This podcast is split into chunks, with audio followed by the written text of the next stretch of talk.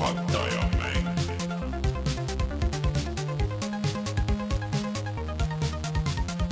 tere tulemast, on reede, kahekümne esimene mai aastal kaks tuhat kakskümmend ja on aeg puhata ja mängida. mina olen Rainer Peterson, minuga täna siin äh, liitumas äh, ikka veel kodukontorist äh, Rein Soobel tere. ja Martin on meil jumal teab kus siis on jätkumas meil Eesti mängude kuu ehk siis terve maikuu räägime Eesti mängudest ja on külas Eesti mänguarendajad ja on meil külaline, kes on peaaegu Martin, aga on hoopis Marten ehk siis Marten Palu Eesti mängu Overstep tiimist. tere, Marten. Up? Äh, kes tahab teada, mis on Overstep, siis äh, seda saab tasuta proovida Steamist, aga võib ka minna vaadata äh, meie videot, mis on juba olemas meie Eesti videote siis playlist'is Youtube'is ja seal, Martin, sina oled ka kaasa saime koos mängida, jah? mm.. Aga siis äh, Martiniga tulemegi varsti tagasi ja räägime mänguarendusest Eestis ja me räägime mänguarendusest Pärnus, me oleme rääkinud äh, sellest juba siis Tartu võtmes siin mitu korda, aga, aga et kuidas on äh, Pärnus mänge teha? Pärnus Keene. Pärnuskene jah, just nimelt ja, ja kõigest sellest muust eh, varsti tulemegi ja räägime, aga enne siia algusesse siis kõik see kohustuslik osa, ehk siis meid leiab SoundCloudist, Spotify'st, kõigist podcast'i äppidest ja siis Youtube'ist. meid saab toetada Patreonis, patreon.com, kaldkriips puhata ja mangida. seal tahaks muidugi eriliselt tänada David Margust, Feilissit ja Jaaku, aga otse loomulikult täname suurelt ja laialt kõiki, kes meid seal on toetanud ja jätkuvalt seda teevad. suured tänud teile ja eh, kui teid ei oleks, siis eh, näiteks siin Martin ei saaks eh, järgmine nädal loodetavasti eh, juba uue mikrofoniga tulla ja nii edasi nii et eh, kui keegi veel särki tahab näiteks ja siis eh, minge vaadake patreon.com, kaldkriips puhata ja mangida. siis äh, meie Youtube'i kanal ehk siis äh, see kuu ainult Eesti mängud, eelmine nädal läks Skyroadsi video ehk siis midagi väga ajaloolist, põhimõtteliselt võib öelda, et sihuke esimene ametlik Eesti nagu sihuke kommertsmäng. Täitsa mängitav tänapäeval, et äh, ei ole midagi öelda, võib-olla noh, nagu level disain tahaks nagu lihvi tänapäeva võtmes, aga muidu täitsa nagu mäng ja seda saavad kõik minna tasuta proovida ja mängida ka, minge vaadake videost. äkki kellelgi tuleb sihuke flashback, et aa õige, ma olen seda kunagi mänginud mingist, ma ei tea, isa tööarvutis või midagi sellist. ja siis. muidugi meid kohe korrigeeriti ka Youtube'is, Ma et ütlesin- äh, sa ütlesid, et see on üheksakümmend aastast see mäng, aga tegelikult siiski üheksakümmend kolm, et Ma- päris nii vana ta ka ei ole. Ja ma, ma seal videos isegi ütlen, et oot, ma praegu hetkel ei saa äh, seda fact check ida, aga, aga et äh, see oli kas üheksakümmend või midagi siukest. et aga jah, üheksakümmend kolm on, on see õige aasta. ikkagi päris vana, peab ütlema. ja siis ähm, see nädal täidame ka ühe augu, veits sihuke ajaloolist äh, materjali ehk siis äh, Teleglitch, millest meil ei olnudki videot, meil kunagi Teleglitchi tegijad käisid küll saates rääkimas aastal kaks tuhat kolmteist või mis me siin äh, eelmine nädal välja mõtlesime, et äh, millal siis Edwin käis, ma ei mäleta, mis see, see teise arendaja nimi oli, kellega nad koos käisid aga siis äh, nüüd tegime ka video ja äh, Martin natuke mängib seda ja tundub, et samamoodi ikka veel mängitav. igatahes äh, Rein vist sai jälle nagu sütitatud, ma saan aru. natukene jah, see rogu-like'id mulle ikka lähevad hästi peale. indie arendajatel on muidugi hea toota ka neid just rogu-like mänge, see tähendab, et sa pead tegema vähem level eid, vähem asset eid, aga mängu selle eest saab palju rohkem mm.. Martin, miks sa ei tee ühtegi rogu-like mängu? sa tead, et ma ei tea. Miks sa ei tee? kas see meil on on, palju parem mõte. kas meil on varsti sihuke, ma pean jälle välja otsima selle äh, breaking news või exclusive nagu selle kõlli, et siia panna, et mida Mm. siin tulemas on. aga äh, Rein, räägi korra kiirelt, et mis meil siis veel pärast on tulemas, mis teemad? Ah, ega siin mingeid tähtsaid uudiseid ei ole, olgem ausad, mingisugused äh, pudinad, et ma kui see ütleb nagu nii mõndagi uudiste nädala kohta, kui kõige suurem uudis on Serious Sam neli. nii on. Not bad. me just Aga- mängisime eile Flavioga Breaking Pointi ja tal meeldib täiega lihtsalt üle lennata kõigist äh, ja mulle meeldib stealth ja siis ma ütlesin talle, et mine mängi Serious Sam'i, et see on väga hea uudis talle. aga, aga seda saab mängida ainult staadia peal, nii et sellest me pärast räägime veidi pikemalt ähm,. siis ma ei tea, siin pole nagu isegi midagi muud, mida välja tuua, ma ei tea. ega väga ei ole jah. Doom Eternalis oli, oli anti-cheat, enam ei ole. no ma ei tea, nüüd me ei pea sellest uudist isegi rääkima. no sellest tuli, sellest tuli väga suur riid lihtsalt äh, kogu interneti peale. ja, ja väga huvitav ja oluline äh,. siis äh, Rainer on mänginud Nier Automatat ja Panel de Bonni, ma ei tea mm, -hmm. Mis see on, me täna saame teada ja mina proovisin äh, The Forestit, aga seekord siis äh, läbi virtuaalreaalsuse. Nii et saan selle kohta natukene muljeid jagada. aga siis äh, tuleme kohe tagasi ja siis räägime Marteniga hoopistükkis Overstepist.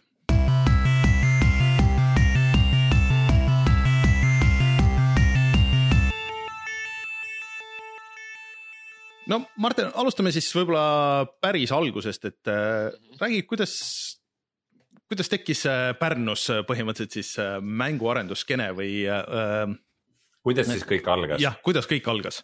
lühike versioon või, või pikk versioon no meil, meil aega on, sa võid äh, sihuke pikema versiooni rääkida.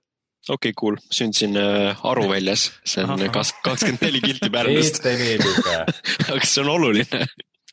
ja seal ei olnud põhimõtteliselt midagi teha ja mul isa miskipärast sai Famicom'e igalt poolt kogu aeg ja kuna nad läksid iga kahe kuu tagant katki, siis ma hakkasingi mingi kolme-nelja-aastaselt lihtsalt telekamänge mängima palju. Üheksakümmend kuus sain esimest korda käed Playsta külge ja mängisin Tekkenit ja siis mõtlesin, et holy hell, et competitive mm, gaming on lihtsalt uskumatu. Eesti keeles oleks see siis võistluslik mängimine.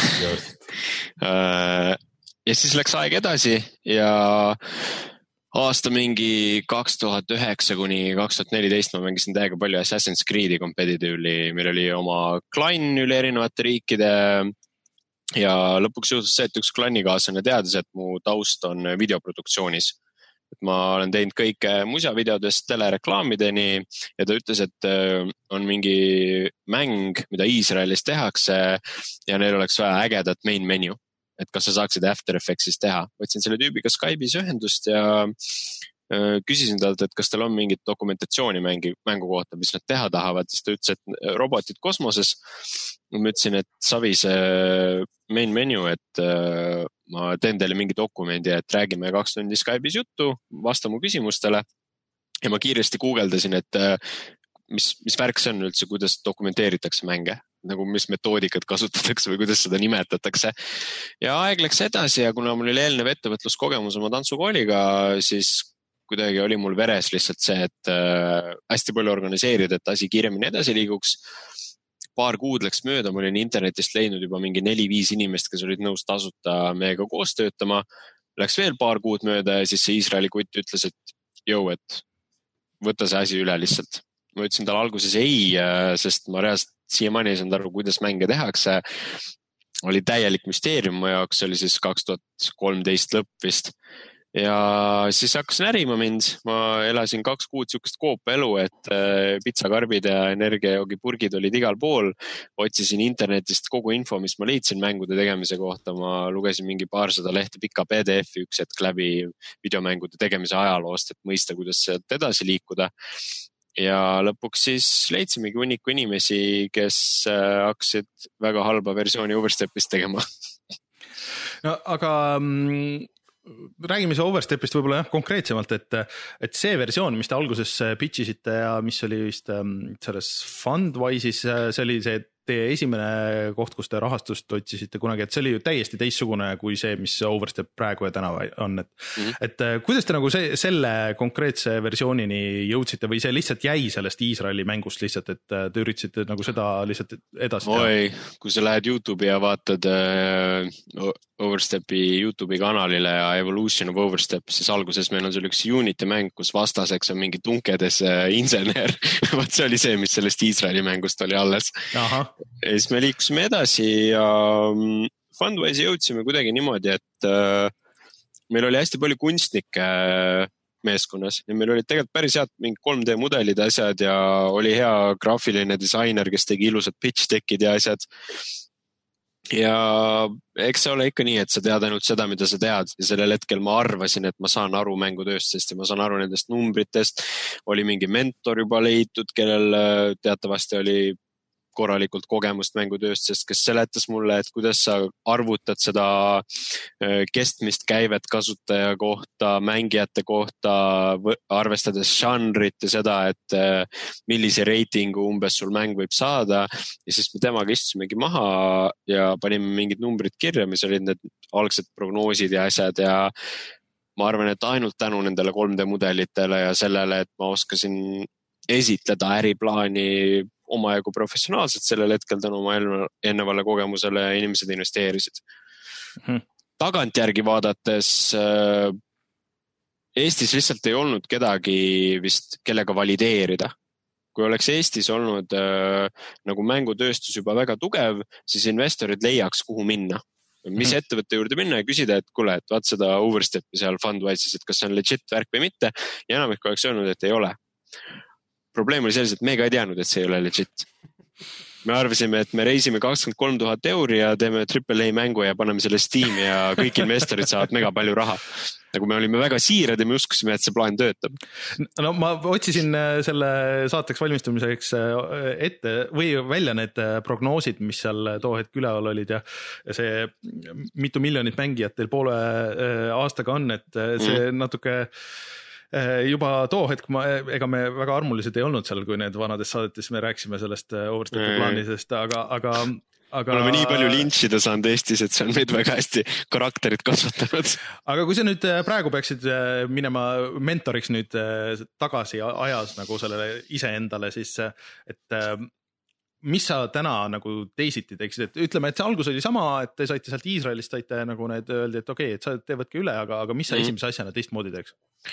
ma ütleks iseendale, et äh, hoia üks concept artist, kõik 3D modelleerijad, äh, las lähevad, teevad midagi muud ja sa endale kaks-kolm game disainerit ja viis programmeerijat ja tee hästi kiiresti prototüüpe mm. -hmm sest me tegime kõike täpselt risti vastupidi sellele, kuidas tegelikult peaks mänge tegema, et kiiresti aru saada, mis toimib ja mis mitte ehk siis äh, alustasite sihukeste mudelite ja nende asjade treimisest mm -hmm. ja siis hakkasite vaatama, et kuidas need nüüd liikuma saab.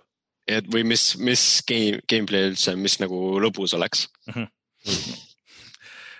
noh, jah, et äh, aga äh, sa ütlesid, et teil siis oli äh,, kui palju neid äh, kunstnikke koos? no meil oli kokku vahepeal kolmkümmend inimest, kes mm -hmm. üle interneti tasuta panustasid äh, mängu mm. -hmm. aga miks nad olid nõus seda tegema, oli see, et äh, ütleks, et noh, mingi kakskümmend viis nendest olid ka alustavad mm. -hmm. et täpselt nagu mina alustasin äh, mänguarendusettevõtte juhtimisega, alustasid äh, nemad või olid mingi aasta-kaks äkki tegelenud äh, sellega, mis nad tegid parasjagu. meil vedas sellega, et meil oli paar inimest, kellele väga meeldis see ettevõtte kultuur, mida ma tahtsin ehitada, kellel oli palju kogemust, kes olid nagu kolmik A mängudega töötanud konkreetselt ja tänu nendele siis me lõpuks jõudsime siia, kus me täna oleme mm. -hmm. ja kus te siis täna praegu täpselt olete? et te olete Pärnus ja täiega lahe on praegu. ma ei, ma ei kujuta ette, kas Overstep kunagi teenib oma selle raha tagasi, ma tahaks loota, meil on plaan selle jaoks, aga mis lahe on, on see, et meil on selline inimene nagu esindusagent USA-s. ta käis sellisel üritusel LA-s nagu Dice ja ta näitas erinevatele toimetajatele, publisher'id levitajatele, levitajatele siis. levitajatele ja arendajatele Overstepi ja ütles, kui suur meeskond selle tegi. ja nüüd see viimane versioon Overstepist, mis meil äh, tehtud sai, me tegime selle umbes aasta-pooleteistkümnega kaheksaliikmelise meeskonnaga ja suurem osa ajast oli ainult üks arendaja, see, kes mul seda karpi hoidis ja kui need levitajad siis nägid seda ja kuulsid meie meeskonna suurusest, sest pärast seda läbi meie selle esindusagendi on nii palju lihtsalt work for hire tööd sisse tulnud, et see rahastab meie Overstepi arenduse ära. see tekitab ettevõttele käivet ja kasumit, mida me saame investeerida, et meeskonda kasvatada. me nüüd viimased paar kuud oleme iga kuu siis ühe uue arendaja juurde palganud ja Overstep ongi nagu, kuidas ma ütlen, et see tuli üle kivide ja kändude, verd, pisaraid, higi pettumust, depressiooni, stressi, ärevust, kõike, aga sellest tekkis meie visiitkaart. Mhm. ehk siis äh, äh, mis ma sellest nüüd välja lugesin, on see, et, et Overstep on ainult üks asi, mida te teete, ehk siis, et taustal mm -hmm. on mhm. teil mitu muud projekti, mida te teete äh, teistele Teiste firmadele siis jah mm -hmm., okei okay pluss viimane. tegelikult äh,, sorry, segasin vahele, et äh, seda vist tegelikult teevad päris paljud mängustuudiod, et samal ajal kui mm. tehakse nagu oma projekti, siis äh, tehakse palju kõrvale, et äh, kõige markantsem näide, mis mul pähe tuleb, on see, et Rocket League'i tegijad olid mm. siis mingisugused, põhimõtteliselt sihuke Epiku alltöövõtja stuudio ja nii mm, edasi mm,. aga äh, noh, me oleme kord, korduvalt juba maininud, et sa oled äh, Pärnus või et teie olete Pärnus, et kuidas see Pärnu mm -hmm. mänguskeene nagu selles suhtes on, et või, või et teil ei ole nagu erilist vahet, et kõik töötavad niikuinii üle interneti? eesmärk on kõik siia tuua ja ma ei tea, ma arvan, ma olen väga biased inimene, kellelt seda küsida, sest ma olen jõhker Pärnu patrioot, mul on siin oma äh, tantsukool, mänguarendusstuudio, co-working space ja noortekeskus ja ma kavatsen siia eluks ajaks jääda ja äh, nii palju väärtust siia luua, et sellest saab mu elutöö.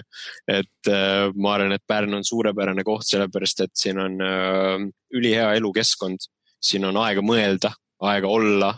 ma olen aasta aega Tallinnas elanud ja Tallinn oli liiga suur linn minu jaoks. Et äh, transport võttis kauem ja kuidagi elutempo oli kiirem ja meie eesmärk on ikkagi vähemalt kaheksakümmend protsenti töötajatest lõpuks siis äh, Pärnusse tuua. praegu selle Covidiga jäi mingi neli ümberkolimist ära, mis mm -hmm. me mhm. nüüd loodame, et me saame varsti ära teha. aga ma arvan, et jah, meie jaoks Pärnu on lihtsalt suurepärane, meil on täpselt kesklinnas nagu reaalselt siin äh, viie meetri kaugusel on kesklinna ristmik, äh, on kontor. Üle saja ruudu me saame siia päris suure meeskonna lehe ajal panna võrreldes Tallinna hindadega, see on äkki pool ja see ei ole oluline, et sul on mingi kesklinna kolmanda korruse kort-, kontor hea vaatega, sellepärast et see on bragging rights või hell yeah, aga sellepärast, et näiteks meil on siin gigane internetiühendus. nii paljud äh, levitajad äh,, kes siis work for hire'it otsivad äh,.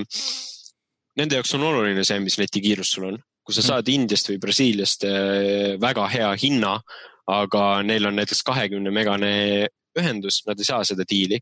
nii palju, kui me oleme öelnud oma praeguste diilide jaoks, et äh, meil on gigane netiühendus, on ju. suurepärane, see on mm. nagu jube suur argument olnud nende jaoks.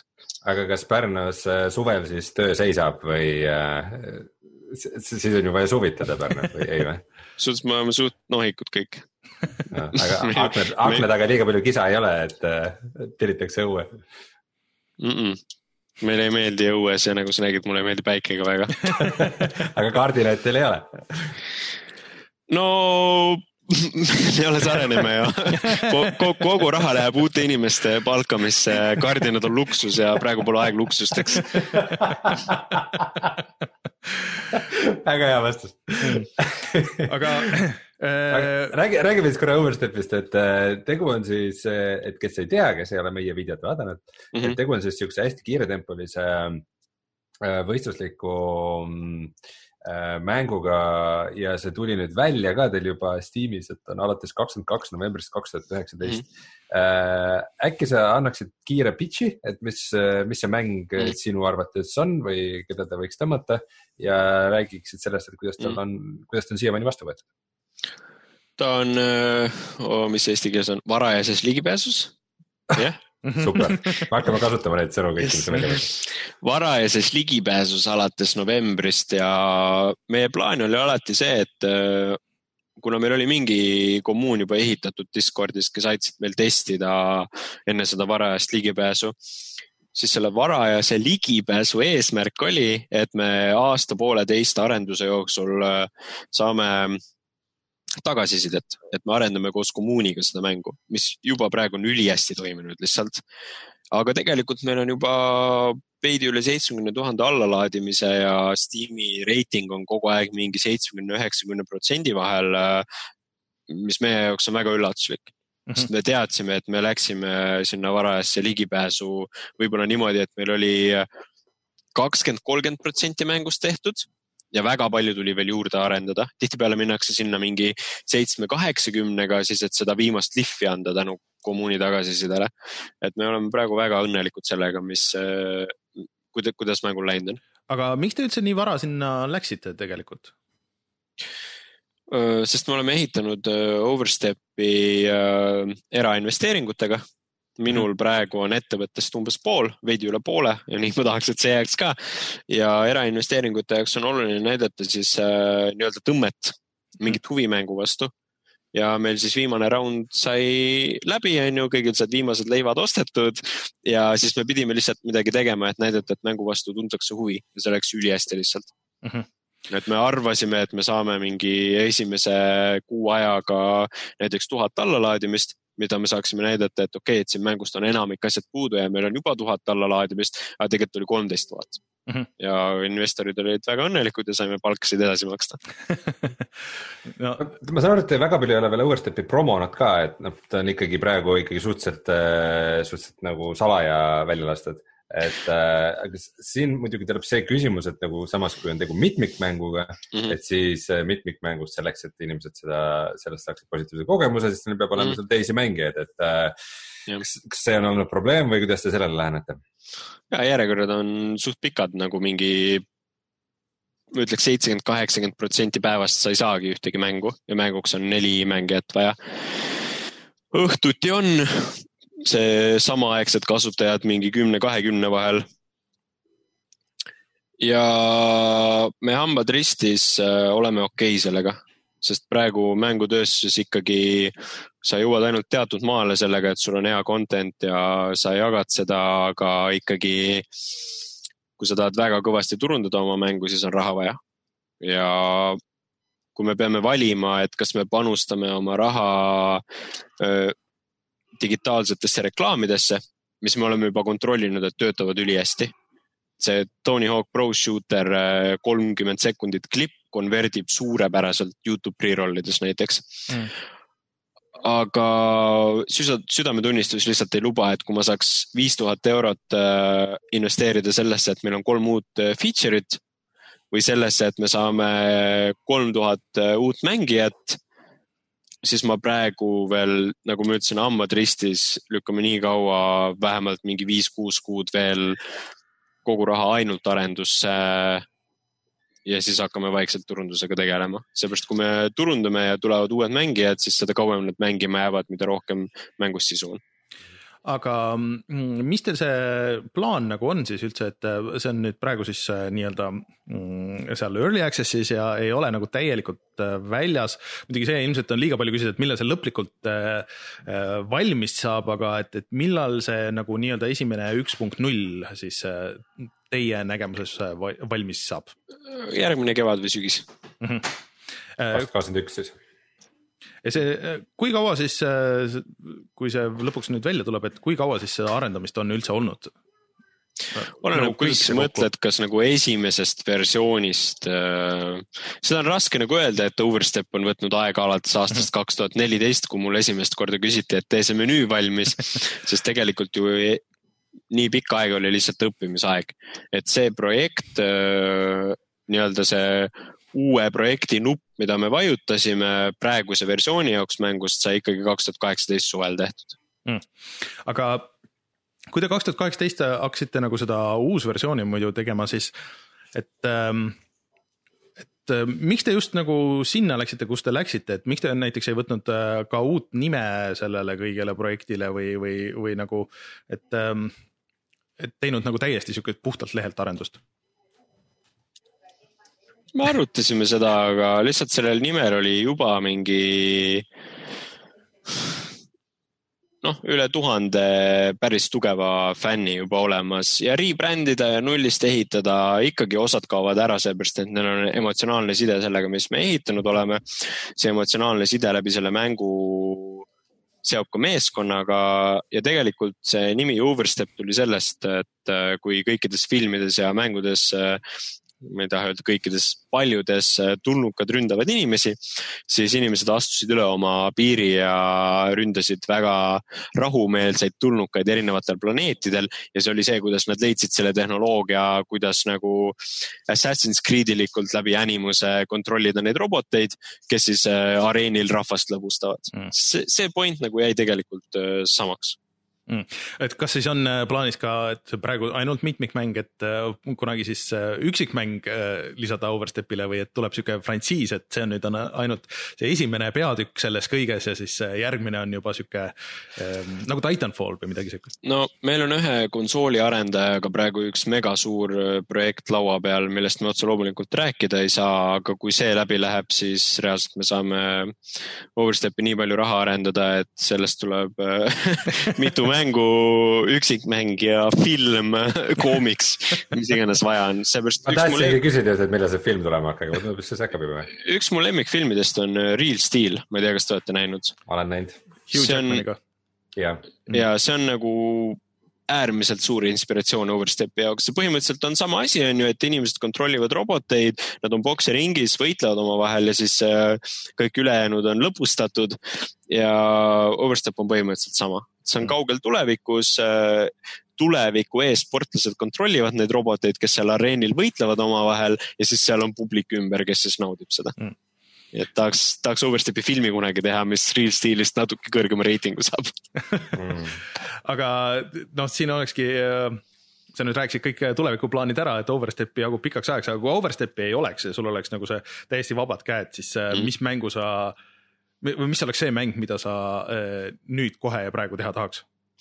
mu enda äh, suur osa taustast on äh, hip-hop kultuur ma ise olen tantsija, ma olen breaking uga tegelenud juba mingi üle viieteist aasta ja mul on oma tantsukool paarisaja õpilasega. ja kui te kunagi olete mänginud suht nišimängu Playsta kahe peal nimega B-boy, siis ole. tahaks järgmist B-boyt teha. see on no.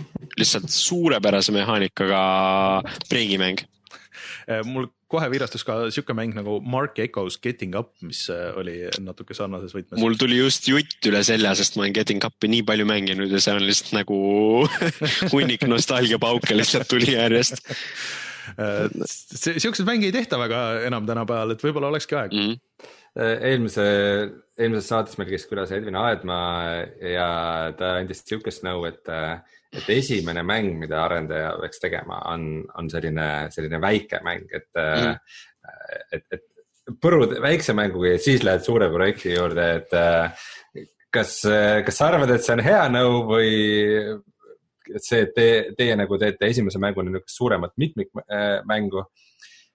kas, kas sa ikkagi tahaksid niimoodi teha või, või see on miski, mida sa teistele ei soovita niimoodi teha? Ma arvan, et siin tuleb eneseteadlikkus mängu, et kui palju sa tahad riskida, kui palju sul on stressitaluvust. Äh, jah, kui sa alustad äh, üldse mängutööstusesse sisenemisega, siis otse loomulikult käi game jam idel, äh, osale online game jam idel ja lihtsalt lase nagu äh, laudu saeveskist välja väikseid mänge mm. -hmm. aga minu DNA on selline, et äh, ma tahan elu jooksul viie eluaja asju saavutada. ma olen äh, põhimõtteliselt nagu oma unistuste poole nagu tank. ja minu jaoks oli oluline see, et äh, ma saan GameCamist arendada nagu household name'i, ma ei tea, kuidas see eesti keeles oleks no kõigile tuntud nimi, ega siin. Äh, ja kõigile tuntud nime ja seda võimalikult kiiresti, et äh, selle lahendus oli lihtsalt see, et ma leian hästi palju inimesi, kes on targemad kui mina mm.. mis siiamaani on väga hästi toiminud. täpselt sama lauset ütles Edvin Aedma ka.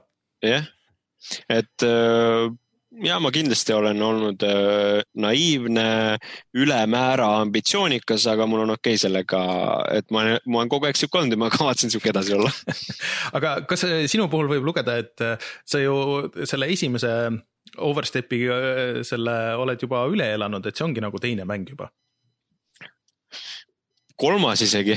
aa, no vot sest alguses me tegime Unity peal mingi pasa, vabandust väljenduse pärast siis me tegime Unreal Engine'is mingi esimese vaate tulistaja. esimese Mhm. vaate tulistamismäng jah Mhm. või läbi silmade tulistamismäng. läbi silmade tulistamismäng nagu Cyclops. tegime läbi silmade tulistamismängu, mis me ise arvasime, et on jumala cool, seepärast et äh, miks ma Assassin's Creed'i nii palju mängisin, on see, et mulle jõhkralt meeldib freerunning Mm. ja tulistamismängudes kahjuks ma olen juba kolmkümmend ja mul see käe-silma koordinatsioon ei ole enam nii hea, et kui ma, mul on, mul on vist mingi kuussada tundi Overwatchis. kui ma hea McCree vastu lähen, siis ma lihtsalt, ma respawn in kogu aeg terve mängu ja ma tahtsin mingit sihukest mängu, kus äh, muud oskused tulevad kasuks ja ma omal ajal mängisin Tony Hawk'i jube palju. kusjuures mul remake'i pärast on ülihea meel. ja mul ka. Mängisin täiega palju Tony Hawk'i ja siis ma mõtlesin, et äh, mis oleks, kui oleks Tony Hawk Pro Shooter. ja ma olen täiesti kindel, et äh, kui me saame Overstepis teha selle mängu, mis meil kõigil nagu core meeskonnas peas on, see saab fenomenaalselt erinev olema. Äh, nii et te praegu arendate Unreal Engine'is siis? Jah.. Kui meie saadet äh, vaatab kas praegu või järgi mõni investor, kes äh, mängumaailmast eriti midagi ei jaga, siis äh, seleta palun lahti tema jaoks, et kuidas üks tasuta mäng üldse raha teenib. kui reaalselt mõni investor kuulab, siis ma seletaks seda ja midagi veel. esiteks, kuidas tasuta mäng raha teenib, on see, et seal on mängusisesed ostud. tasuta mängud teenivad miljardeid USA dollareid või eurosid. sellega, et inimesed, kes äh, mängu mängivad, on olemas sellised mängud, kus sa saad äh, tugevamaks. sellega, et sa raha maksad, mis ei ole enamjaolt väga populaarsed, rohkem toimivad need Aasias aga ülejäänud regioonides jah, sa saad ennast äh, väljendada. kui sa muidu oled äh, sihuke, ütleme oma arust tavaline, siis sa saad olla mõnes tulistamismängus näiteks kauboi või äh, sukelduja või mis iganes ja sa reaalselt maksad raha selle eest. sa saad, tunned ennast sel, selle karakterina, keda sa oled siis kaunistanud või talle mingeid riideid või äh, mütsi või millegi ostnud. aga kui reaalselt mõni investor kuulab, siis mis on kõige olulisem asi investoritel mõista mängutööstuse puhul on see, et kahte tüüpi investorid. ühed investivad, investeerivad startup idesse, mis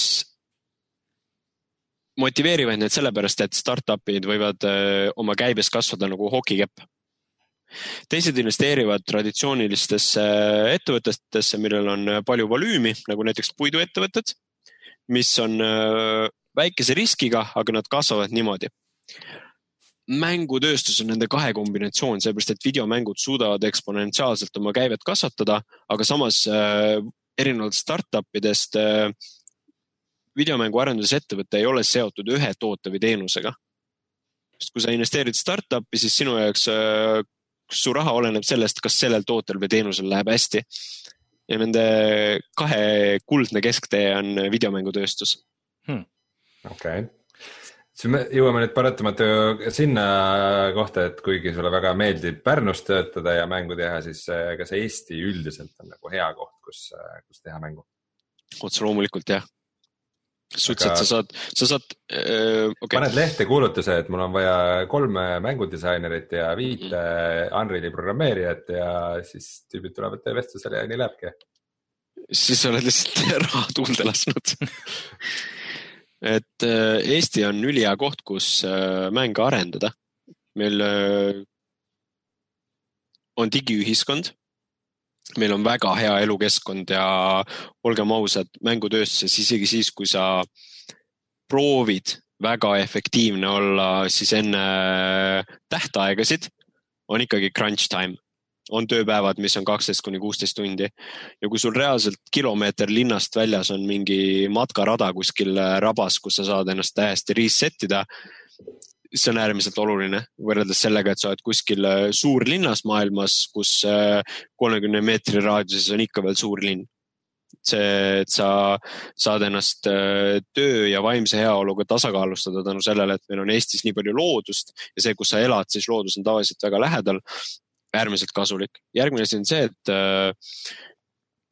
inimesed, kes on videomängutööstuses nende palgad on kindlasti keskmisest suuremad. Ja kui sa elad näiteks Pärnus ja saad kaks tuhat euri netot kätte, sa elad nagu kuningas.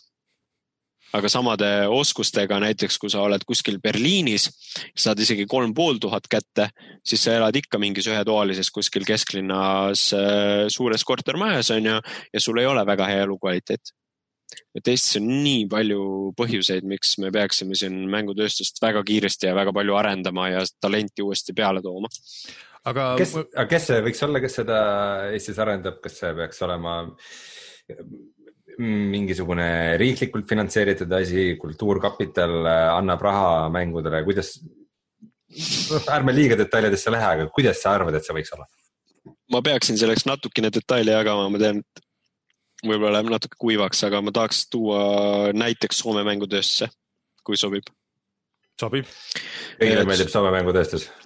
Soome mängutööstuse käive kaks tuhat neli aastal oli äh, nelikümmend miljonit USA dollarit. kaks tuhat kaheksa aastal oli see üheksakümmend neli, nii et see nelja aastaga kahekordistus ehk siis üheksakümmend neli miljonit ja kaks tuhat neliteist aastal, kümme aastat hiljem, oli see kaks miljardit USA dollarit. Te võite kujutada ette, kui palju sealt maksuraha tuli riigikassasse ja üks koma seitse miljardit sellest tegi Supercell. ja Soome valitsus investeeris kaks tuhat kümme aastal kolm miljonit dollarit Supercelli et saada ettevõte, kes teeks äh, neli aastat hiljem üks koma seitse miljardit dollarit käivet. ja tegelikult see on pikaajaline protsess. Äh, Soome valitsus mõistis seda ülivara, et see on äh, mega hea volüümiga eksporditööstus ja nad on investeerinud mänguarendusse alates aastast üheksakümmend kuus ja siiamaani on nad raha pannud rohkem kui mingi sajasse mänguettevõttesse. ja kõige lahedam selle kahe miljardise käibega on see, et seal on äh, ma tean, kahe aasta vanused andmed on kolm tuhat kakssada töötajat, ütleks, et praegu neli tuhat töötajat mängutööstuses ja kujutad ette, kui nelja tuhande töötaja kohta sul on käive kaks miljardit, mis on ekspordikäive, siis mis on see produktiivsus või see tootlikkus ühe inimese kohta? kui reaalselt Eestis näiteks rahandusministeerium teeks natukene uurimustööd selle kohta, siis käidakse kõikide teiste ministeeriumite ukse taga koputamas, et palun paneme ruttu raha mängutööstusesse. aga mm, kui nüüd äh, päris paljud inimesed on, äh, on kuulanud neid äh, viimaseid saateid ja siis on öelnud, et nad on inspireeritud olnud üsna sellest mänguarendusest mm. ja sellest jutust, siis mida sa algajale soovitaksid, et ma saan aru, et kõik ei pea ja ei saagi alustada niimoodi, et okei okay,, ma teen nüüd oma mängufirma mhm. nullist mm., aga et, et mida peaks õppima ja kust peaks äh, üldse alustama? no meil on selline Discordi kanal nagu Estonian Game Development, kus me tegelikult oleme selle nii-öelda juhtiva või eestvedava grupiga teinud erinevad kanalid. et kui sa tahad alustada Unreal Engine'iga või Unity'ga või GameMakeriga, siis meil on seal listid, millest mhm. alustada, mingid lingid, mis tutorial'eid läbi teha. Mina näiteks olen suur Unreal Engine'i austaja ja armastaja. ja ma tegin äh, Unreal Engine'i listi nendest nii-öelda tutorial itest ja asjadest niimoodi, et äh, sa umbes viiekümne tunniga peaksid väga hästi aru saama, kas see mootor on sinu jaoks, äh, kui kiiresti sa selles õppida suudad ja mida sa suudaksid teha näiteks aasta pärast, kas sa reaalselt saaksid sellega raha teenida. ja Eestis on praegu selline olukord, et ülipalju on talenti puudu, isegi Soomes on selline olukord, et talenti on puudu, et äh, mingi kolmkümmend kuni nelikümmend protsenti seal äh, tahetakse kogu aeg väljastpoolt palgata. ma miskipärast arvan, et Eesti mängutööstuses, noh äh,, Vladimiril CM-is on arvatavasti kõige suurem äh, meeskond äh,. ma miskipärast arvan, et tal ka väga suur osa on ikkagi mitte-eestlased seda ta rääkis jah, et äh, vist Ukrainast ja Valgevenest on, on suurem osa sisse What? tulnud. ja ka Venemaalt, ma, ma nüüd võib-olla panen puusse, aga kas ta äkki ütles, et ka, isegi, kas nelikümmend protsenti äkki töötajatest on no, või äkki nelikümmend protsenti ainult olid kohalikud mm -hmm.. ühesõnaga ikka pooleligi on toodud inimesi väljaspoolt. lihtsam on ju palgata kohalikku mm. -hmm on ju, sul on sama kultuur, sama mentaliteet, sama tööeetika või vähemalt sarnane ja reaalselt ma arvan, et kui mul oleks järgmise aasta jooksul võimalik palgata kümme arendajat Eestist, kes Unreal Engine'it oskavad, siis see oleks suurepärane. aga praegu me teeme tööintervjuusid Argentiinasse, Rumeeniasse, Egiptusesse, Indiasse. et äh, ülihea meel oleks, kui Eestis skeene kasvaks ja rohkem inimesi kiiresti peale tuleks. ja te päriselt olete ka väljaspoolt inimesi tulnud Eestisse elama? jah, Flavio näiteks tuli Brasiiliast. okei okay,, väga äge.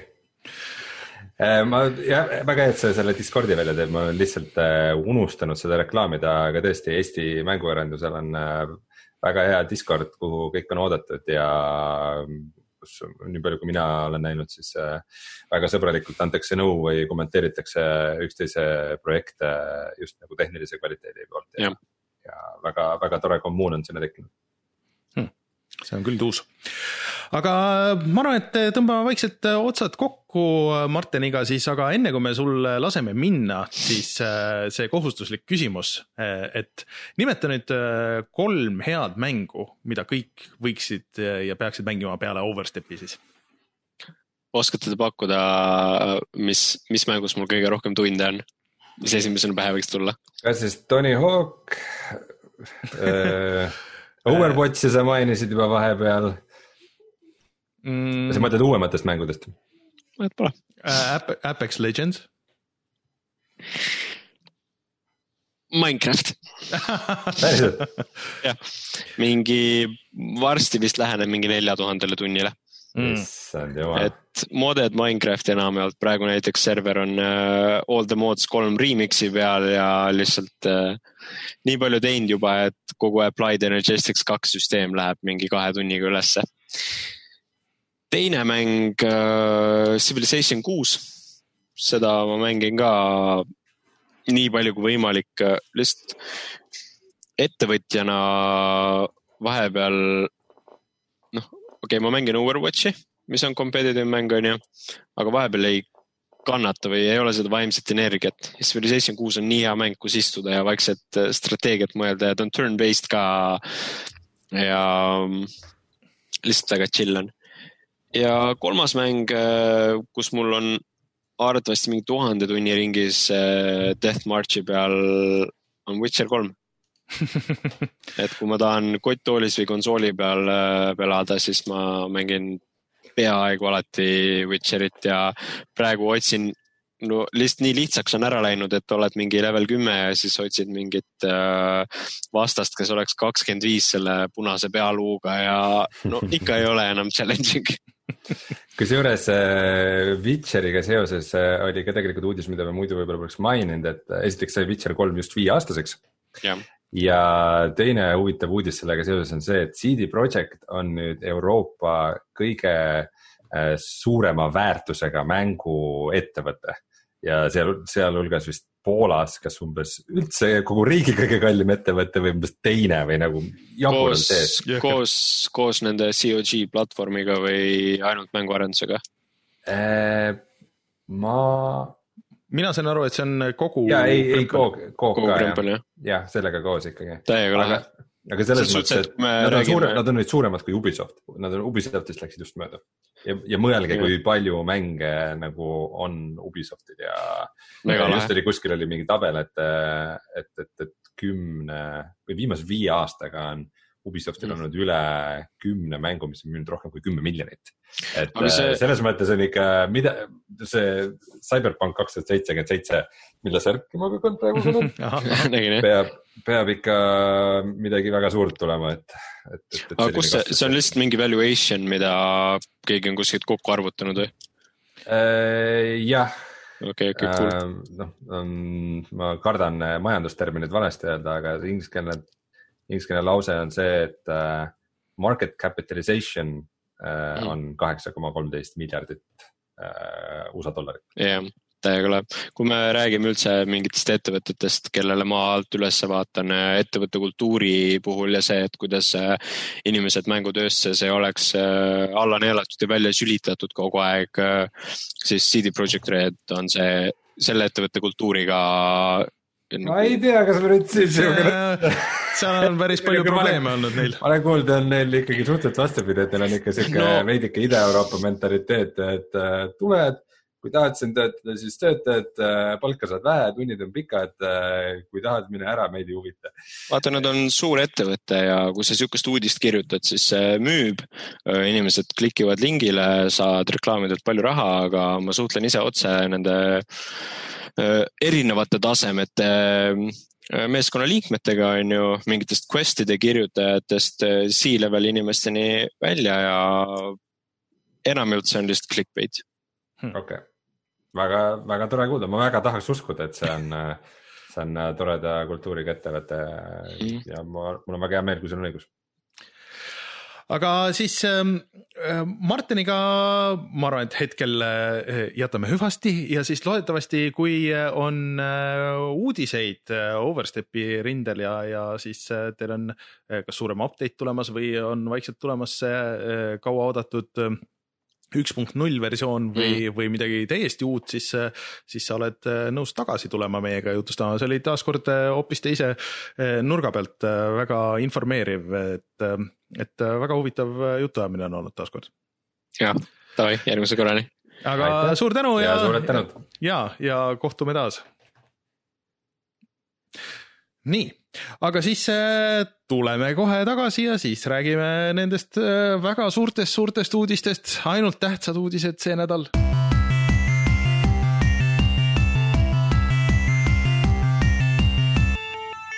uudised.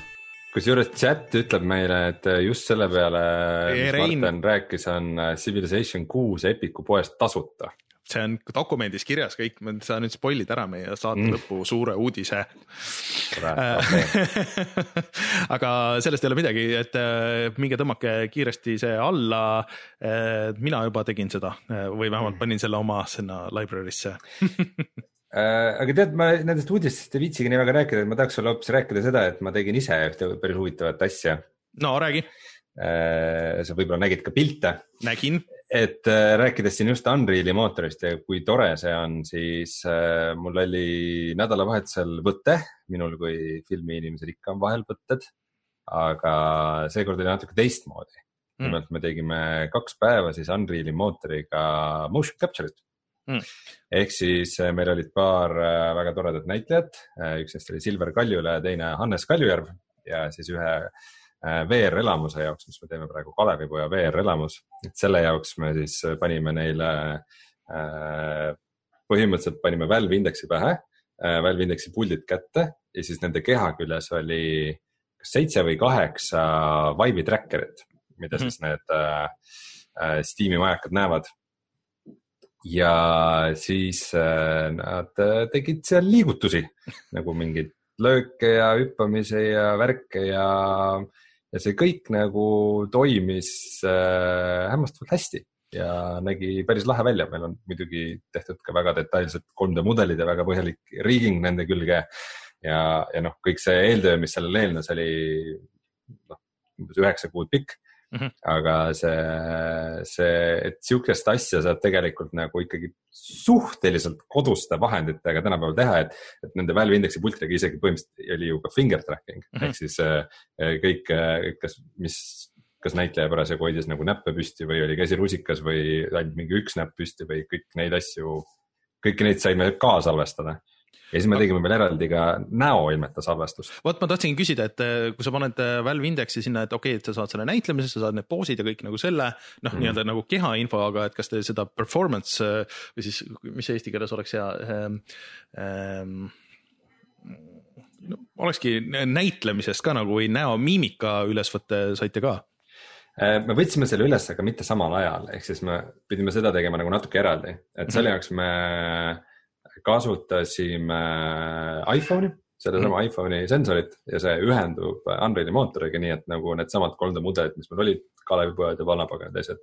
et siis laivis näitleja nägi, kuidas ta äh, noh, luges mikrofoni sisse mingisuguseid lauseid ja asju ja siis samal ajal nägi ekraanilt, kuidas äh, tema nägu vastavalt sellele muutub, et äh, samuti nagu ikkagi suhteliselt mm, -hmm. suhteliselt nagu kättesaadav ja odav lahendus, et noh, viis aastat tagasi oleks nagu täiesti uskumatu tundunud, et sellist asja saab mm -hmm. vahenditega teha. ma nägin, nägin neid pilte jah ja tundus nagu väga tuus, et, et sihuke capture nagu võimalik on ja, ja et äh, keegi üldse teeb neid siin Eestis, ega siin äh, ma ei usu, et väga paljud inimesed sinna Unreal äh, noh, mine tea muidugi, meil on ju neid paarsada content farm'i nii-öelda, aga, aga et äh, kuskil stuudiotes väga sihukest asja tehakse mm. -hmm. ega ma ei usuks ka, et seda väga palju Eestis pole tehtud, et äh, noh, ütleme mm, mm, päris nagu sellist lahendust äh, niimoodi välja ei pakuks, et oo oh,, et no ma ei tea, tulge nüüd välismaalt Eestisse motion capture'it tegema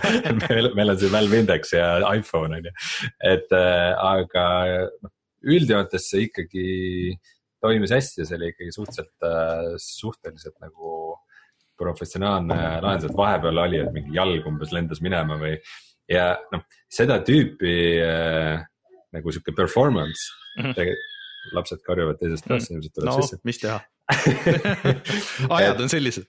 jah yeah., et äh, seda tüüpi nagu performance, et noh, kui, kui sa oled näinud, kuidas tänapäeval tehakse Marveli filme umbes, et -hmm. kõik on nagu sinise või rohelise ekraani ees ja nagu teesklevad, et nad teevad midagi äh,. kui, kui on näitlejal see headset peas, siis ta on tegelikult seal maailmas sees et nagu laivis sai arendaja nagu teha mingit levelit ette, et meil on näiteks niisugune stseen, kus Kalevipoeg kõnnib koobastes, põrgukoobastes nagu jõuab põrgusse ja tal on tõrvik käes mm -hmm. ja põhimõtteliselt enam-vähem laivis sai arendaja teha seda geomeetriat ette.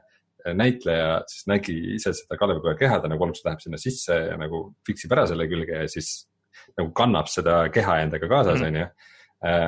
Ja tal on päriselt see tõrvik käes et ta nagu kasutab seda tõrvikut kui valgusallikat, et vaadata seal ringi ja päriselt vaadata, et kuhu ta läheb ja see sisseelamine on kõik nii, nii palju nagu reaalsem ja usutavam. üks naljakas moment oli, kus see näitleja siis tõrvikuga seal koopas käis, ma leidsin mingisuguse valge muna kuskilt. ja siis arendaja ütleb, et aa, see on lihtsalt maailma alguspunkt ma leidsin maailma alguspunkti siukseid äh, väga sürre momente oli seal ja see kogu protsess on, äh, on päris, äh, päris huvitav ja päris lõbus, et kõik on nagu nii sees selles fantaasiamaailmas, mida me seal lõime ma siin videovaatajatele jagasin pilte ka Maru VR-i veebis. saate ise näha seda aga see on väga uus asi teil üldse, et millal see välja tuleb või saad sa öelda või ei saa öelda veel? Äh, eks kogu see situatsioon siin on kõvasti edasi lükanud äh, kõike, aga mm, noh, muidu ta pidi juba kuskil esimene mai või midagi sellist minema laivi, aga mm. noh, kõik meie motion capture'id ja asjad äh, nagu lükkusid edasi selle tõttu. et ilmselt lähikuudel peaks siis avatama, see tuleb Tallinnast päris kaugele, ta on Kääpal, on mm. selline muuseum nagu Kalevipoja muuseum ja seal on igasuguseid muid äh, huvitavaid asju ka ja siis lõpuks, lõpuks on siis äh, VR elamas äh, Kalevipoja retk põrgusse. Mm. No eks sa, eks sa kindlasti reklaamid siis, kui see valmis saab, kõik saavad Reinu kätetööd oh, minna imetlema. oo oh, jaa, aga see tuleb äge, oleme seda juba nii kaua teinud, aga see tuleb äge no siis äh, jääme ootama. näed, vaata, see on nagu jätk nüüd sellele Eesti mänguarendajate ei, see selles mõttes, see läheb mänguna. see on ju päris, see läheb ju mänguna kirja tegelikult ju, tegelikult yeah. Yeah. see on, see on, ütleks, see on ju samal levelil mingisuguste nende äh, walking simulaatorite asjadega. asjad, mida sina väga armastad muidugi. Walking simulaatoritega samal levelil. ei ole või? Nalja teed või? sa arvad, et me teeme mingit walking simulaatorit või? sa saad seal interakteeruda enam-vähem kõigega, sa saad mõõgaga võidelda raudsillal terve põrgu armee vastu. oota, kus saad... ma saaks seda exclusive nuppu, ma ei võtnud. sa saad, äh, sa saad äh, põrgus juua vägijooke, mis muudavad sind suuremaks ja väiksemaks ja need vahetada ära, et sarvikut äh, petta, kui sa temaga rusikavõtsid. no nii, kõik on exclusive info, kõik tuleb siia. me teeme, me teeme mängu, mis on vägevam kui mäng, aga, aga see on kokku umbes kümme minutit pikk nii et äh, ma seda nagu Steam'i väga ei julgeks panna, isegi kui mul selle õigused oleks okei, aga noh, sellest siis räägime siis, kui see aeg on selleks, võib-olla, võib-olla Rein siis äh, teeb video ka meile äkki või? võib-olla või teeks hea meelega video, kuidas äh, ja. sina või Martin seda prooviks, aga no, ma kutsusin teid ka teletorni proovima elamust, aga te ei tulnud. pandi kinni teletorn enne. praegu praegu on kinni jah. vot, kuule, aga räägime natuke siis kiirelt äh, nendest asjadest, mis meil siin nimekirjas on, et see Doom Eternali probleem lihtsalt, äh, miks ma selle siia panin, oli see, et äh, enne kogu seda uudist, äh, Doom Eternal oli üks parima äh, selle kasutajate reitinguga mäng üldse Steamis, läbi Steam'i ajaloo äh,. siis aga eelmine nädal tuli uudis, et see Doomi multiplayer mis on niivõrd oluline osa sellest mängust, ma oletan ka, et Rein, et sa midagi muud ei tee õhtuti, kui mängid seda Doom'i multiplayer'it. no ma ei tahaks seda maha teha, sest ma ei ole seda ise viitsinud proovida no, aga aga kes on proovinud, ütlevad, et see on ikkagi noh, suht sihuke. et isegi kui see mõte seal taga oleks lõbus, siis ta on sihuke suht nagu pooletoomine mm. -hmm. et äh, no ma olen kuulnud sedasama ja et ega keegi nagu, kui räägitakse Doom Eternalist, keegi ei räägi sellest mitmikmängust, et kõik räägivad sellest üksikmängust ja siis nagu, et jah, et seal on mitmikmäng ka. Äh, aga et äh, siis väidetavalt selle nagu anti-cheat mõõtmena, et siis võetakse kasutusele uus siis Denovo see mingi uue generatsiooni nii-öelda rootkit või mis asi, et mis võtab sisuliselt äh, kirjelduste järgi ja, ja kui internetti uskuda, siis veel rohkem see võtab kõik su kohvimasinad ja kõik asjad võtab üle, kui sa selle installid endale. ja selle peale siis äh, muidugi taaskord internet läks täiesti marru ja seda graafikut on tore vaadata sealt Eurogeimerist siis, et kuidas need reitingud kukuvad nagu nagu täiesti risti vastupidiseks ja veel nagu põrandast läbi nagu selle peale. Äh, ja noh, muidugi ähm, äh, ID siis äh, ei saanud nagu vaiki olla, siis nad ütlesid, et kuulge, et et me siis mõtlesime ja arutasime ja, ja et, et siis äh, ikkagi nagu võtame selle ikkagi välja, et see nüüd läks äh,, installiti ära, aga võetakse välja inimestelt. ja et ärge siis Bethesdat süüdistage, et nemad ei olnud selle taga, et see oli meie enda mõte, et Bethesda ei tea sellest midagi, mis kõlas nagu mm,.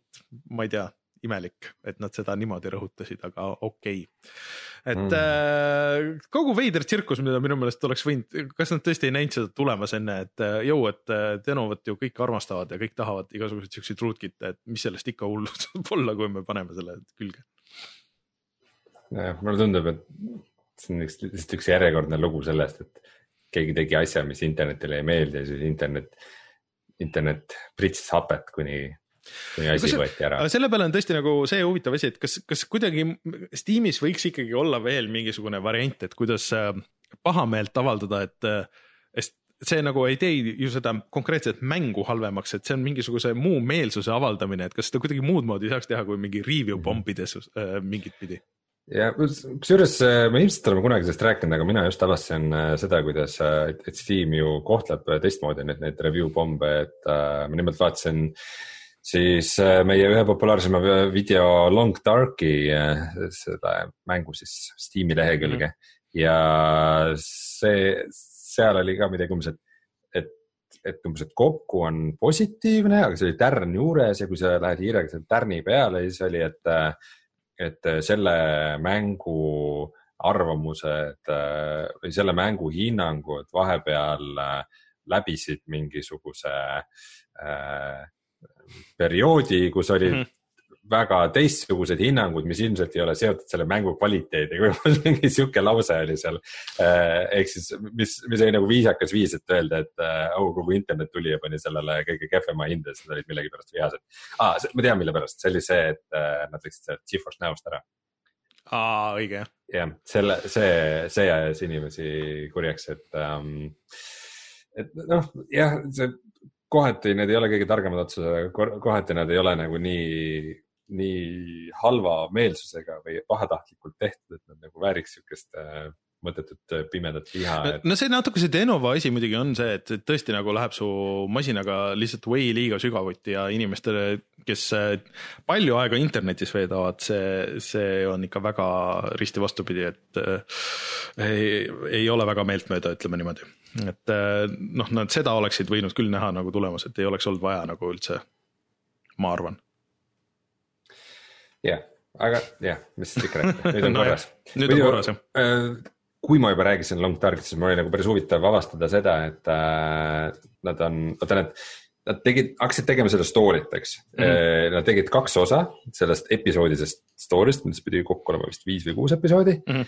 siis nad otsustasid, et nüüd on õige aeg, et nad tegid kõik ümber mm -hmm. ja siis nad lasid uuesti välja need kaks osa äh,, mis nad olid ümber teinud ja siis nüüd eelmise aasta lõpus nad lasid kolmanda osa välja, aga peale seda äh, nad hakkasid äh, laskma välja uuendusi siis ikkagi sellele survival'ile või sellele nagu mm -hmm. sand, sandbox'ile mm -hmm.. ehk siis nad vist ilmselt toodavad ka, aga nüüd on jälle see, et episoodiline mängud ja episoodid lihtsalt ei kuulu kokku nagu ei ole ühtegi, ühtegi edukat lugu nagu, kuidas mängud oleks ette noh, Telltale jah, aga. Telltale lõppkokkuvõttes ei ole väga edukas lugu, neil mingid no, asjad olid edukad. see on midagi muud.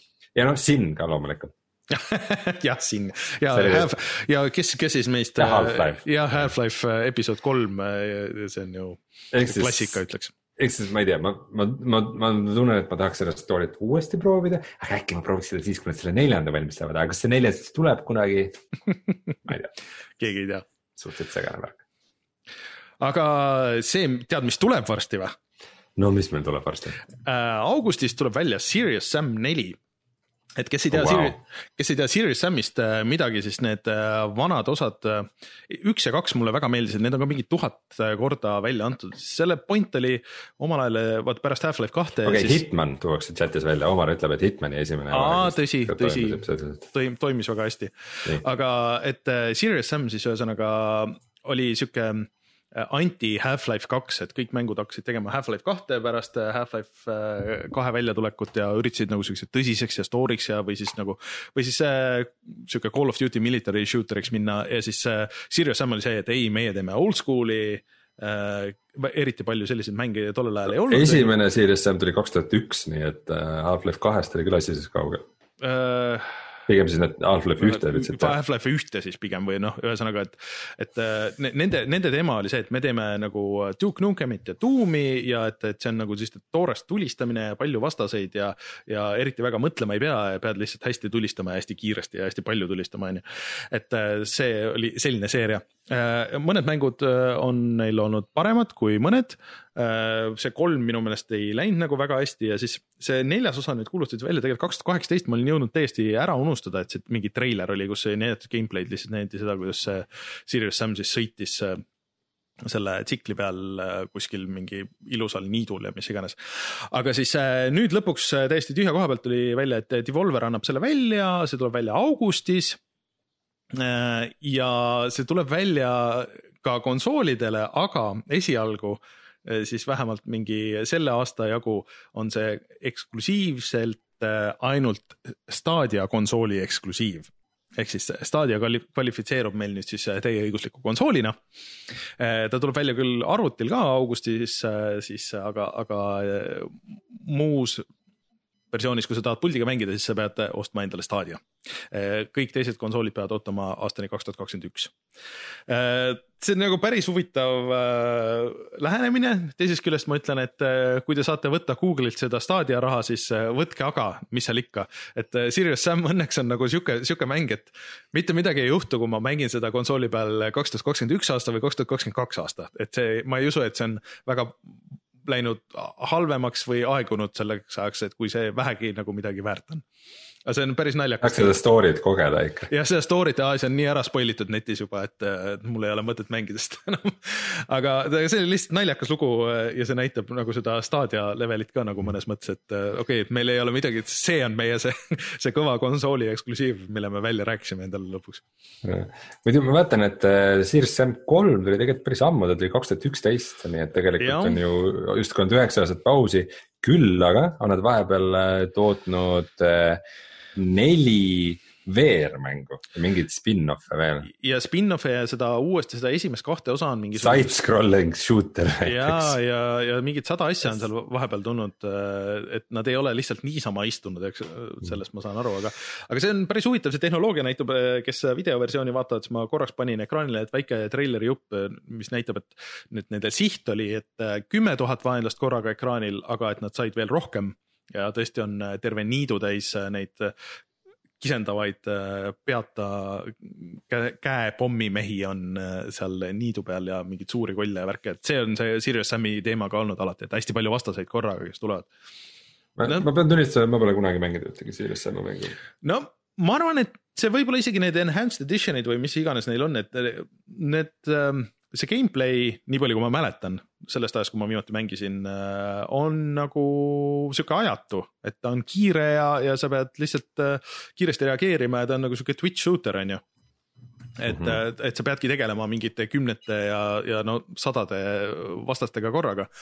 aga aga see, et ta graafiliselt on nagu alati olnud nagu natuke lihtsakoelisem või noh, nagu siuksem äh, mitte nagu nii lihvitud, peamiselt sellepärast, et nii palju vaenlasi näidata. Aga mulle on meeldinud need levelid, mis on alati siuksed avatud ja kuskil õues ja, ja sul on äh, siuksed suured areenid, kus siis võidelda nende vastastega ja nii edasi, et, et see on nagu tuus olnud. ma arvan, et kui sul on olemas need või sa saad need paari euroga kuskilt osta, siis vähemalt nagu siukse noh, tund aega mõlemasse esimesse panna juba on, on väga hästi, saad selle tunnetuse kätte.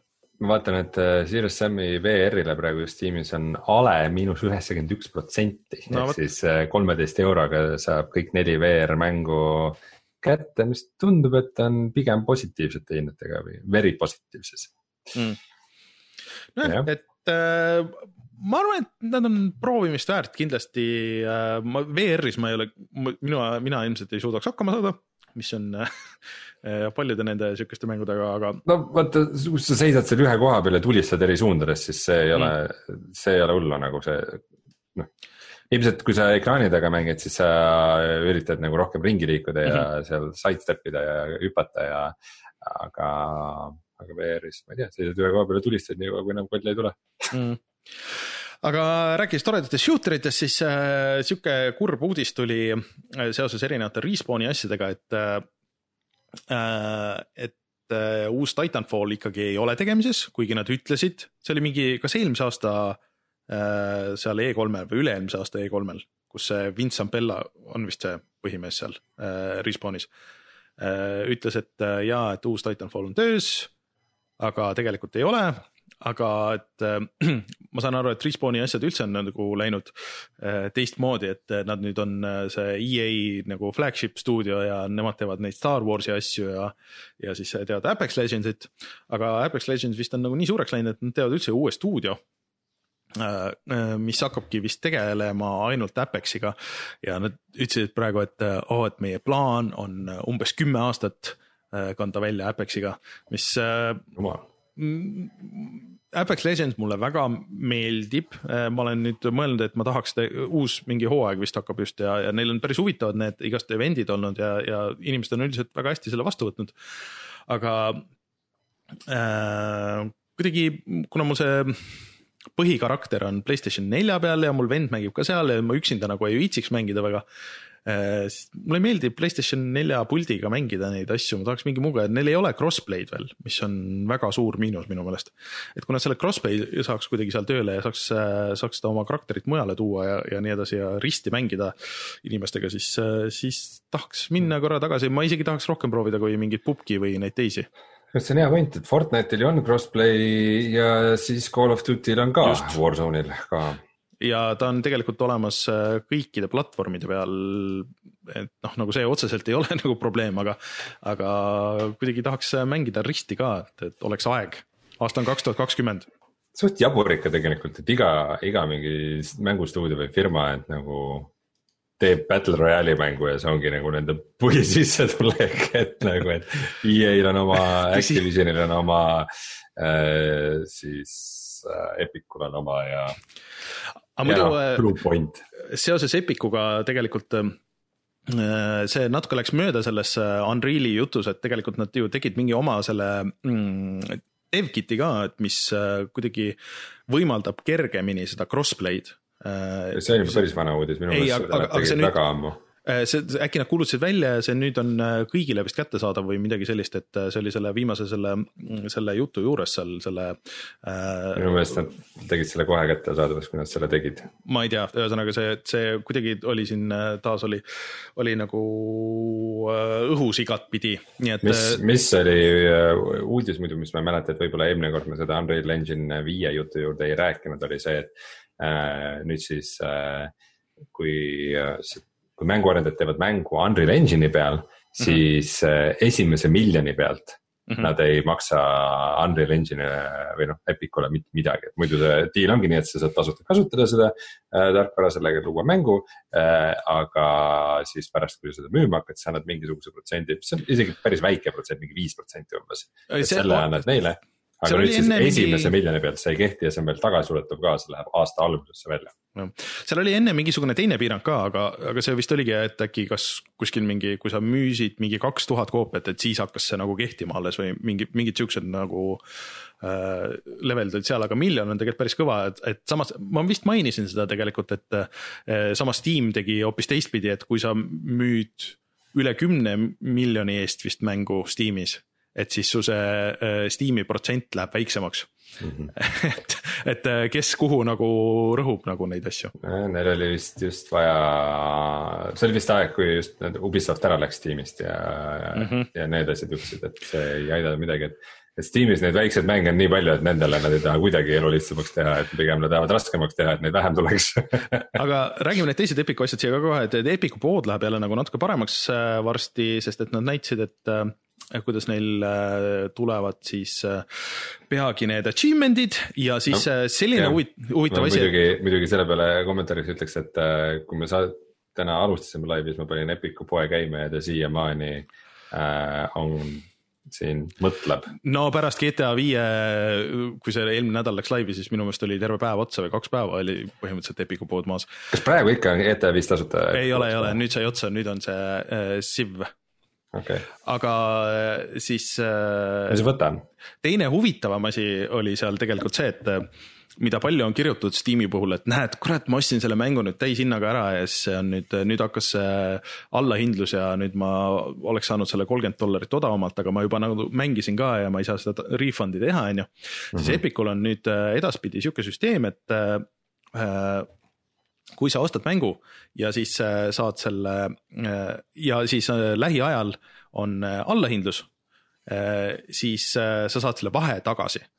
et ma siit hetkel ei loe nagu välja, et kui suur see vahe nagu on. aga põhimõtteliselt see on midagi sihukest, mis teeb jälle nagu selle Epiku nagu poe kasutajasõbralikumaks, kui Steam on mõnes mõttes. et nad liiguvad ikkagi õiges suunas selle kõigega minu meelest fantastiline mm. -hmm. mm,.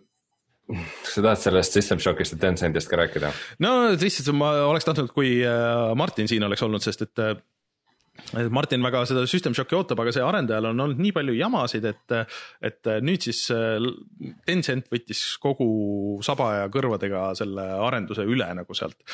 et ähm, mind lihtsalt huvitab nagu see Tencent on nagu üks osa sellest, aga et mis sellest mängust nagu saab lõpuks, et see on olnud ikka nagu sellises dev hell'is ja siin ja tagasi ja oh, me teeme hoopis esimese versiooni remake'i ja okei okay,, me teeme remaster'i, ei, me teeme hoopis selle äh, mingisuguse äh, enhanced edition'i sellest äh, teisest või ma ei tea, mingisuguseid siukseid asju seal kogu aeg vahepeal, et kuulge, tehke nagu seda ühte mängu või ma ei tea, et mis toimub üldse.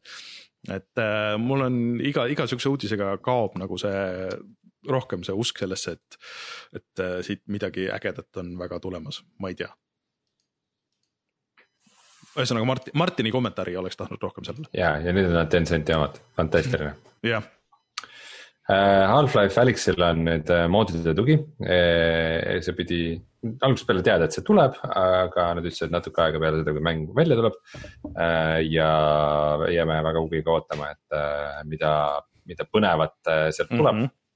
Sest et ilmselt üks põhjuseid, miks, miks äh, siis Valve üldse sellise suure VR-mängu tegi, teades, et maailmas ei ole piisavalt palju VR peaseadmeid, et äh, see üldse saaks oma tootmiskulud tagasi teenida, et äh, ilmselt oligi selles, et äh, et, et, et vaadata, et mis sealt tulema hakkab ja võib-olla endale napsata samamoodi nagu nad on napsanud siis minevikus siuksed pisikesed moodid nagu näiteks Dota või Counter Strike, aga see on nagu selles suhtes päris uus ka ilmselt VR.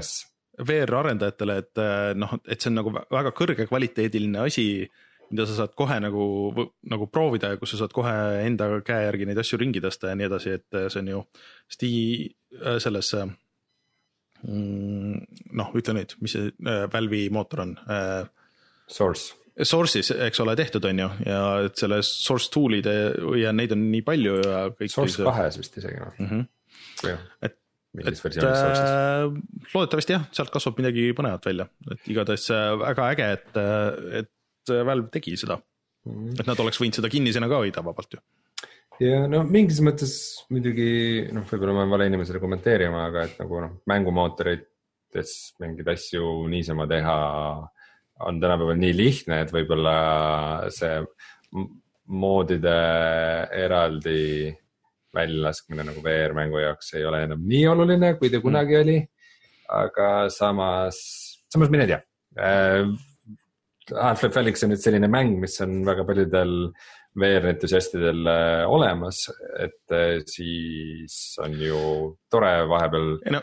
panna käima ja vaadata, kas sellele on mingeid huvitavaid moode tulnud. no see, kas sina rääkisid seda või ma kuulsin seda kuskilt mujalt, et, et äh, miks seal Half-Life Alyxis ei ole seda äh, sõrgkangi et. Nad ei saanud seda tööle. jah, nad ei saanud seda tööle, on ju, et nüüd on kõigi võimalus kõigil siis okei okay,, et me siis paneme selle ise tööle või paneme selle ise nagu sinna mängu ja, ja siis äh, vaatame, et kas see töötab või ei tööta, et äh, nüüd on, kõik saavad seda teha, et. no selles mõttes küll, et see Half-Life Alyx on lihtsalt nii safe mäng, et ta on mm -hmm. nagu mõeldud selleks, et ükskõik kes võib seda proovida ja tal on mm -hmm. seal lõbus ja tal ei lähe süda pahaks ja ei ole midagi imelikku, et, äh, et, et, et moodid lubavad inimestele ka mhm. riskantsemaid asju teha mm aga Rein, kas sina mängisid Terrariat kunagi? ja ma mängisin kunagi Terrariat ja me isegi paar saadet tagasi rääkisime sellest, et äh, Terraria saab äh, läbi, et millalgi tuleb sellele viimane update ja mm -hmm. nüüd ta siis tuli mm. -hmm. et äh, see changelog vist on ikka päris massive, et aga kõige huvitavam või noh, kõige olulisem võib-olla seal on see, et, et nüüd uutele kasutajatele ikkagi on elu lihtsamaks tehtud, et, et kui sa alustad, et siis sul on see raskustaseme, sest Terraria vist originaalis oli ikka nagu päris raske et sa saad seda raskust valida ja siis sul on äh, noh, nagu alguses mingi väike sihuke nagu tutorial, mis sind juhatab nagu sisse sellesse, sest et. et Terraria on mulle küll tundunud veel nagu läbi hammustamatum mäng kui, kui Minecraft, kui sul ei ole kedagi nagu seal äh, juhendamas või sa ei viitsi kümnete tundide kaupa mingisuguseid neid äh, tutorial'e vaadata. Ei tea, ma ei ütleks, ma ütleks, et ta on, ta on pigem natukene konkreetsem kui, kui Minecraft alguse poole. Mm et põhimõtteliselt äh, vaikselt äh, raiud puid ja tuksid ja tulevad kollid ja võitled nendega ja kaevad järjest sügavamale, ehitad maja. Selles mõttes ta on, ta on, ta on päris chill. Ja Terrariaga on vist ka see naljakas asi, et äh, kui ma nüüd mööda ei pane, siis ta vist, ta vist kunagi ei ole olnud nagu mingit DLC-d või mingit nagu midagi, mis sa saad osta, et põhimõtteliselt umbes kümne euro eest ostad selle mängu ja siis kõik, mis selle nagu äh, ma ei tea, kümne aasta jooksul sinna lisatud, mida on tohutult palju, et see kõik on mm. sulle kohe kättesaadav, et, et, et selle raha eest seda mängu on ikka päris kõvasti mm.. Äh, noh, see on igal platvormil vist äh, saada ka, et äh, vali oma platvorm ja hakka mängima. kuigi ma ei kujuta ette, kas see 3DS-i versioon saab selle kõik need viimased update'id või mitte, aga, aga ma olen kuulnud, et nii Minecraft kui Terraria olid väga populaarsed 3DS-i peal mm..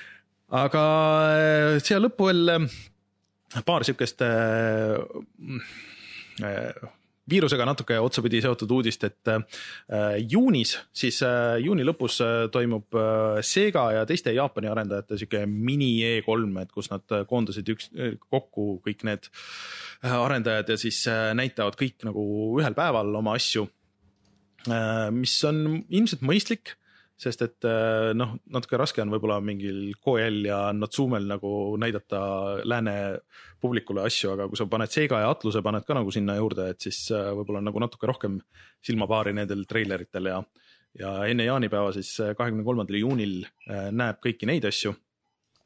ja siis Gamescom ikkagi toimub ka siis internetis ja Jeff Keeli äh, kahekümne seitsmendal augustil avab kogu selle värgi ja siis äh, kakskümmend seitse kuni kolmkümmend august äh, näidatakse kõiki neid treilereid, siis on jagatud ära erinevate arendajate vahel ja näidatakse gameplay'sid ja asju ja.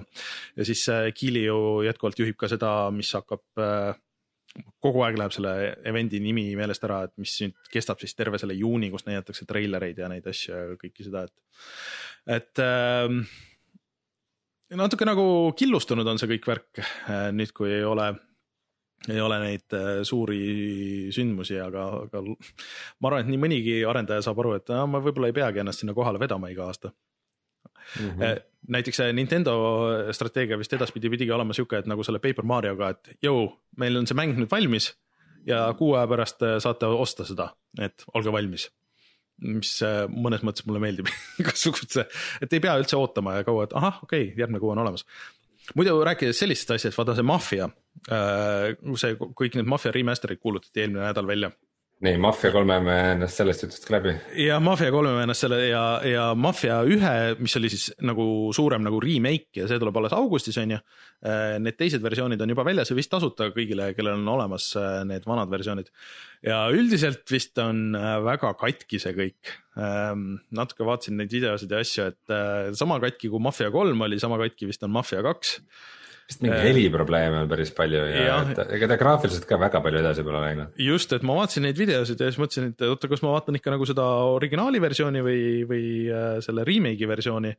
ja tundus, et ikka remake'i versiooni, et meil siin äh, Discordi chat'is äh,. Remaster siiski, mitte remake jah, see on remaster jah, sellest Mafia kahest, Jan Rist rääkis natuke, et kui ta, kuidas ta mängis. või, või oli see või oli see level ühe eh, selles, eh, ühesõnaga, et, et pole suurem asi, et siis isegi Xbox One X-il nagu jõnksutab päris hoogsalt ja, ja igasugused jamad on siin ja seal, nii et kahjuks läks nii nagu, nagu see hirm oli, et läheb selle kõigega. ja chat'ist öeldakse meile ka breaking news, et CyberPunk lükatakse oktoobrisse, mis ta siis enne pidi olema augustis või kusagil hmm.. Hmm. no ja, kas sa oled pettunud, Rein? mul kiiret ei ole sellega, aga tuleb, kui ta tuleb. Mm.. aga eks teda on juba varemgi edasi lükatud mitu korda. Mm.. et noh, ma ei tea, kaua ma, kaua ma käin siin nende bluusidega mängul, mida välja ei ole. No,, mul saavad otsa need bluusid selle jaoks. selles mõttes on hea, et ma ei pea seda vanadel konsoolidel mängima, et mul loodetavasti on need uued konsoolid juba selleks ajaks ja ma saan äh, mängida äh, kõige paremat versiooni, mida mina endale saan võimaldada võib-olla selleks ajaks, ma ei usu, et mul uut arvutit on oktoobriks on sul uued konsoolid käes või? Äh, ei, novembris tulevad ju kurat need mm.. jah, tegelikult äh, on CyberPunk kahe tuhande seitsmeteistkümnega see, et ta tuleb alguses välja siis arvutile ja selle generatsiooni konsoolidele ja vist ka mm. staadiale äh,. aga et nad ei ole uute konsoolide launch'i mängud mm.. aga. midagi hiljem. selles suhtes, et ma saan aru, et ta on ikkagi nagu mängitav ikka uutel konsoolidel ka. jaa. et sul ei ole seda lihtsalt seda special versiooni, et nagu Xbox One X-il noh, päris paljudel mängudel tuli pärast nagu järgi see nii-öelda eh, ma ei tea, kuidas Microsoft pani sellele mingi suurepärase nime, et, et see nüüd on see eh, enhanced edition nii-öelda, aga. Okei okay edition okei okay,, okei okay, edition jah. nojah, äh, loodetavasti siis enam edasi ei lükata, et äh, see ikkagi oktoober jääb siis äh, CyberPunki selleks väljatuleku kuupäevaks. no aga tuleme siis kohe tagasi ja siis räägime natuke nendest mängudest ka, mida oleme mänginud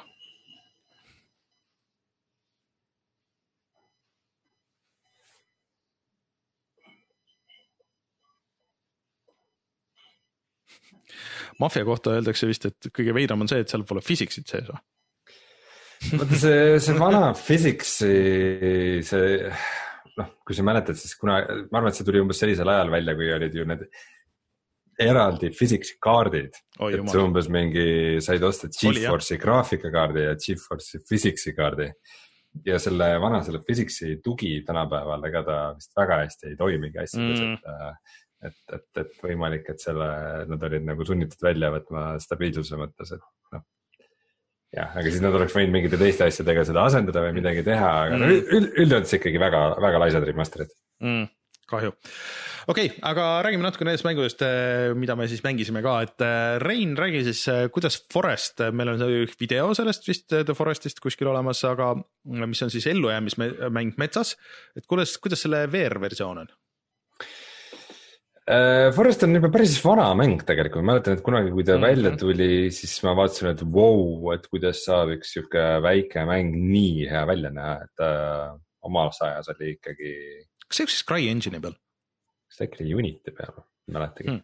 Okay. Äh, igatahes omas ajas ta nägi ikkagi väga hea välja, sihuke läbi silmade vaates ja, ja noh umbes said ükskõik kuhu ehitada ja mingeid põõsaid ja puid maha võtta ja. Unity tõesti ja me tegime sellest video kaks tuhat kuusteist Oliver Rauamiga, kellega me oleme siis oma GTA videot teinud, et ma ütleks, et see on meie kanalil enam-vähem ainus video, kus me oleme teinud sihukest nagu roleplay'd kus me mängisime äh, niisuguseid nõudlikke Eesti turiste, kes on läinud äh, soojale maale puhkama ja, ja pidevalt muretsevad selle pärast, et nad oma, oma raha eest äh, piisavalt äh, saaks asju, piisavalt kvaliteetselt äh,. mida oli päris lõbus, aga päris väsitav teha, et kahjuks me rohkem pole kunagi siukest teinud. ja ma mõtlesin, et see video on juba kaks tuhat kuusteist aastast, nii et nagu, nagu juba see video on päris vana aga nüüd hiljuti tuli sellele VR mode mm. -hmm. ja sõbraga tuli see jutuks, et, et võiks seda, võiks seda Forestit mängida, siis ma ütlesin, oo muidugi, et ma tahan seda VR mode'i proovida. ja noh, selle VR mode'i kohta nagu niimoodi kiiresti kokkuvõtlikuks ütleks, et noh, võrreldes mõne teise mängu VR mode idega on ta nagu kompetentne äh,. aga mitte väga nauditav, et mm. äh, äh, nagu instinktiivselt asjad ei toimu ja nagu väga immersive ta ka ei ole, et äh, mingid mõned väiksed asjad on, mis tohutult häirivad, näiteks et äh, tavaliselt äh, eriti nagu nende Valve Indexi pultidega, et sa nagu pihuga haarad asju, et nagu noh, sul on käed ja sa võtad asju. aga siis on see, et parema käega sa võtad asju, aga kui sa vasakut nagu oma keskmise sõrme vajutad, siis sul hoopis läheb käes välgumihkel põlema et ainus, mis sa saad vasaku käega teha, on põhimõtteliselt välgumihklit hoida, mis äh,, mis on äärmiselt tüütu ja äh, nagu ebapraktiline ja ebaloogiline. siis äh, näiteks, et sa saad sinna ehitada näiteks puu otsa maju äh, ja siis mööda köit ronida ülesse sinna majja. ja siis on see, et umbes, et sa lähed nagu sinna juurde, võtad sellest kinni Äh, aga siis mitte see, võib tunduda, et see noh, VR-is nagu ronid niimoodi päriselt kätega, eks, et tõstad mm -hmm. ühe käe üles ja teise alla. Äh, ei, äh, siis kui sa hoiad sellest kinni ühe käega, sa pead teisel käel vajutama seda edasiliikumise kangi ja siis sa lähed nagu kolmanda isiku vaatesse ja vaatad, kuidas su tegelane ronib ülesse mm.. noh, mingeid siukseid äh, väga veidraid disainivalikuid, aga üldjoontes ta toimib, aga ta näeb halb välja. nagu mm. VR-is kuidagi äh, tekstuurid on madala kvaliteediga, nagu valgus on niisugune flat ja kuidagi noh, VR-is peabki nagu graafikat alla tõmbama, sest et VR-is on kõige olulisem, et see kõik hästi jookseks, aga, aga kuidagi seal Forestis äh, ei, ei toiminud see hästi. Ja see vist ei ole väga nagu eraldi graafilisi optsioneid ka selle kohta. Ma panin äh, taustaks äh, jooksma meie videovaatajatele selle äh, The Foresti VR versiooni äh, mingi video lihtsalt Youtube'ist ja ja ma tõesti, ma nagu ka mäletasin, et äh, juba kaks tuhat kuusteist nägi see nagu way parem välja, et, et mis on juhtunud vahepeal, aga no, no jah, kahju, et nad on pidanud kõik niimoodi maha tõmbama okei okay, äh,, muidu chat ütleb vahepeal, et siiski valehäire oli, et seitseteist september on siiski äh, äh, Cyberpunk kahe tuhande seitsmekümne seitsme väljatuleku hmm.. kust see libauudis tuli? ei tea. peame hakkama fact check ima siis kõike, mis chat ütleb meile aga, aga jah, et äh, Foresti, noh, ma ei tea, mulle nagu ellujäämismängud meeldivad ja ma mõtlesin, et ma ei ole väga palju mänginud ellujäämismänge VR-is et, äh, et tahaks proovida, vot idee poolest siuksed asjad, kus sa saad ise nagu asju ehitada ükskõik mm -hmm. kuhu, tundub nagu VR-is alati lahe, et nagu, et oo, et ma olen seal keskkonnas, mida ma saan ise nagu ringi kujundada ja, ja, ja noh, selliste asjade VR tugi võib-olla toimibki kõige paremini niimoodi, et umbes, et ma ei tea, et sa mängid mingit Minecrafti või Subnauticat või Forestit või midagi, kui sa ehitad midagi nagu hullult vägevat mm -hmm. ja vaatad, et kurat, see on ikka vägev. See, see on see, et sa paned korra paned VR-prillid pähe ja vaatad nagu selle VR-versioonis nagu, et mis tunne on nagu siin, siin serval päriselt olla või nagu, et oh, mõnus. ja siis sa võtad VR-prillid ära ja siis sa mängid seda tavalist versiooni edasi. mulle tundub, et, mulle tundub, et nad ei ole mõeldud nagu niisuguseks, niisuguseks pikemateks. oota, kas, kas The Forest oli see, kus need dinosaurused olid või see nüüd oli midagi muud? see oli Ark. aa jaa, õige, sorry. Forest Aga... on see, kus sul on siuksed äh, räpased äh, pärismaalased, kes käivad mm. Äh, sinu peale karjumas mm.. keda siis pead kirvega tükkideks lõikama ja siis nende Aga... jalgadest ehitama tootemeid aga see ei ole nagu eraldiseisev mäng, et see, kui sul on The Forest, äh, siis sul lihtsalt on seal VR tugi ja kõik see maailm ja kõik need asjad, mida sa ehitad, siis äh, see jääb sinna alles või on see VR nagu täiesti eraldiseisev maailm ja asi ja need, mis sa ehitad VR-is, see, mis äh, juhtub VR-is, jääb VR-i jah, see on tasuta update ja see peaks täielikult igatpidi ühtima selle mm -hmm. tavaversiooniga. et me mängisime sõbraga kahekesi koos niimoodi, et tema ei olnud VR-is ja mina olin VR-is, mis on nagu ka väga tore. mina mm -hmm. sain, mina sain talle näppu ninna pista ja tema, tema mulle ei saanud. ja teha, teha lollusi igasuguste loomajäänuste ja muude asjadega, mida me leidsime et, et selles mõttes see, kuidas nad sellele on lähenenud, see on ideaalne, see võiks mm -hmm. nagu igas mängus äh, just, just niimoodi toimida, aga lihtsalt mm -hmm. see, kuidas ta VR-is välja näeb ja kuidas ta kontroll on ja see võiks natuke parem olla. okei okay., aga arvad, et äh, lähed tagasi või see sõltub rohkem sõbrast või? no vaatame, mul on tunne, et ma nagu, kui me seda kunagi seda Foresti videot tegime, siis ma nagu juba mängisin nagu piisavalt seda, et ma olen enam-vähem ära näinud seal mängus niisugused põhilised asjad kindlasti seal võib veel olla igasuguseid mingeid üllatusi ja asju, aga mm, ma ütleks, et minu jaoks Forest nagu niisuguse nagu ehit-, niisama chill imise ehitamismänguna väga ei toimi, et ma pigem mängiks nagu Don't Starve või midagi mhm. sellist mm. -hmm. et, et, et, et, et Forest on nagu vahva mäng, aga ma arvan, et minu, minu jaoks veidi ammendanud ennast mm,.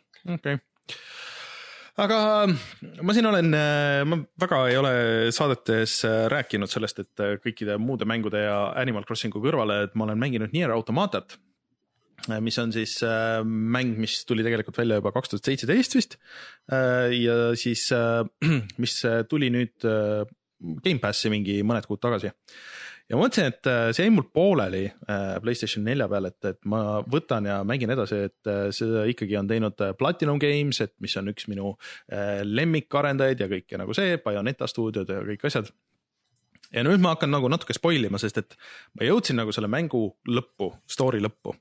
aga selle, see mäng on struktureeritud niimoodi, et sa mängid ta korra nagu läbi ja siis hakkad nagu uuesti mängima ja nüüd spoilerid, pange kõik kinni ja lükake edasi, kui te ei taha kuulda, aga see on juba nii mitu aastat äh, vana mäng, et ma rohkem nagu ei hoiata spoilerite eest. et äh, järgmine kord, kui sa mängid mängu lõpus tiitrid jooksevad ära, on ju, äh, siis sul tuleb suur äh, tekst ette, et nii, et no siin on sõnum Square Enixilt, et, et Nier Automata on nüüd sihuke mäng, et, et me tahaks, et sa mängiks seda veel ja et, et kui sa nüüd mängid nagu järgmise korra, et siis see kogu story nagu muutub ja tegelikult ma isegi ei arvanud, et see nagu nii palju muutub, et sa mängid nagu täiesti hoopis teise tegelasena. ja sa näed neid kõiki neid äh, selle esimese game playthrough asju nagu kõrvalt. Äh, mis on nagu eriti sürr, on see, et sa näed seda mängu algust ja sa näed isegi nagu seda, et see hakkab nagu natuke varem, enne kui see esimene playthrough nagu algas, sa lähed nagu ajas tagasi ja siis sa näed isegi nagu seda, kuidas sa selles äh, originaal playthrough's oma setting uid muutsid et mis sa nagu setting utega tegid ja kõik nagu seda, et sa näed nagu, sulle mängitakse videona see kõik ette. ja väga äge lahendus nagu sellele ja siis äh, sealt läheb nagu edasi, et see ongi, sul on, sul on nagu kaaslane suurem osa mängust ja siis sa näed nagu tema silmade läbi seda kõike. ja ma saan aru, et äh, selle teise playthrough'ga nagu see asi ei piirdu äh,. et seal tegelikult äh, tuleb nagu kaks või kolm tükki neid veel äh, et, et sa näeksid nagu siis kogu seda story't ja kogu seda gameplay'd äh,. sa aga... teise läbimänguga päriselt näed nagu reaalselt neid samu asju, mis täpselt sa ise tegid ja vot, vot seda ma ei tea, ma veel nii kaugele ei ole sellega jõudnud, ma jõudsin äh, nüüd selle esimese playthrough läbi, et ma jõudsin mingi tund või kaks äh, mängida selle teise mängijana. Äh, aga ma ei jõudnud veel täpselt sinna, et, et seal on alguses, kus te olete nagu lahus ja siis puutute nagu paaris kohas nagu kokku. et, et ma ei tea, kas ma täpselt nagu näen seda või on see lihtsalt nagu ai võitlus. huvitav on see, et nüüd mul on täpselt needsamad levelid, kõik needsamad nagu lisad ja kõik nagu need asjad, mis mul oli selles, sellel nagu minu põhikarakteril esimeses playthrough's. et need nüüd kanduvad edasi sellele teisele, et see on selles mõttes nagu New Game pluss ja see peaks nagu oluliselt kiiremini minema lõppkokkuvõttes. aga ta on see teine tegelane, kellele sa mängid, see on nagu natuke teistsugune, et, et sa saad nagu häkkides mängida hästi palju. et tema põhiteema on see häkkimine ja kuidas häkkimine käib, on see, et sa mängid sihukest väikest shooter'it ehk siis sa, kui sul on mingid suured tüütud vastased, on ju, kes iseenesest noh, sa saad nendest jagu, aga sa pead võib-olla mingi mitu minutit pead nagu hakkima, et see on muidu ikkagi sihuke hack and slash, et sa mängid, sul on kaks erinevat mõõka ja sul on robotid, mis hõljuvad sinuga kaasas. no häkkeril on hack and slash või? ja, ja, aga siis sa võid minna nende teiste robotite sisse ja siis sa mängid siukest väikest nagu pealtvaates shooter'it, siuke bullet hell shooter ja sa pead jõudma selle sisuni ja siis sa saad nagu noh, ütleme mingi paari sekundiga äh, selle vastase välja versus, mis muidu oleks võtnud äh, mingi jah, mitu minutit. et sa saad nagu hoopis teistmoodi läheneda asjadele. Ja üleüldse see mäng on tegelikult, ta läks üldse käima kuskil minu meelest, see story ja kõik see, et see algus on nagu äge, aga et nagu lubab palju, aga see kuskil see mängu viimane kolmandik tegelikult oli nagu, siis ma sain aru, et okei okay,, et miks see nii paljudele inimestele meeldis ja et kuidas, kus see nagu nüüd edasi läheb, nüüd kui ma tean, mis seal nagu lõpus juhtub. et, et see muutus mu jaoks palju huvitavamaks, et äh, et seal, see mäng teeb üldse nagu nii paljusid asju niimoodi nagu teised mängud ei tee. Juba see upgrade'i süsteem, et, et sul on nagu erinevad võimed, on ju, mida sa saad endale paigutada. Äh, aga sealt samast sellest ruumist võtavad, võtavad nagu ruumi ka need äh, sinu ui asjad ehk siis, et kui sa tahad, sulle tundub, et okei okay,, et ma tahaks, et mu tämm oleks suurem ja nii edasi, on ju. aga kurat, kas ma pean nägema äh, seda minimap'i ekraani peal või et kas äh,, kas ma tahan, et äh, näha neid vastaste äh, seda eluriba on ju, et siis sa võid nagu neid majandada, võid neid välja visata ja siis äh, seda ruumi kasutada hoopis mingite olulisemate äh, upgrade'ide jaoks ja siis sa saad teha nagu siuksed loadout'id nendest ja. et seda sügavust on nagu päris hullult nagu tegelikult seal ja sa saad kõiki asju upgrade ida ja lammutada ja, ja craft ida ja teha veel ka seal, et äh, ainuke miinus selle kõige juures, et kuigi stiliseering nagu on hullult äge Äh, siis äh, see, kuidas ta nagu kohati välja näeb, et see mootor ja see on kõik nagu, ta näeb nagu veitsa nagu sihuke, kuigi ma mängin Xbox One X-i peal, et kus ta jookseb nagu iseenesest nagu hästi, aga ähm,.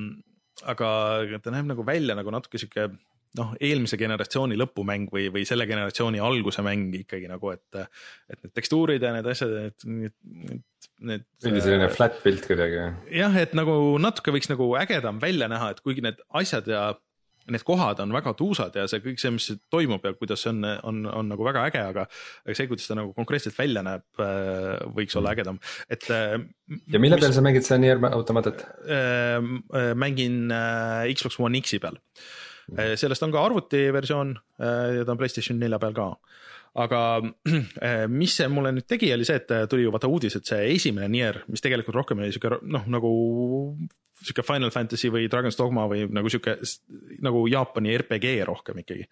et äh, sellest tuleb nüüd remake, äh, mida nad lubasid, et nad teevad rohkem selle automaata sarnaseks, et rohkem sihukest võitlust ja rohkem seda, et äh, mulle see tekitas nüüd selle remake'i vastu küll nagu rohkem huvi ja ma kindlasti mängin praegu nüüd seda edasi, et ma saan aru, et see ja esimene playthrough võttis mul mingisugune viisteist tundi ma saan aru, et see järgmine peaks olema siis, ma ei tea, mingi neli-viis tundi või midagi sihukest ja siis äh, iga järgnev nagu järjest lühem. et kuna mul on nagu endal võimeid ja oskusi rohkem ja ma tunnen seda maailma ja kõike nagu seda, et, et äh, aga see on väga põnev, ma ei tea, et ükski teine mäng oleks sihukest lahendust teinud.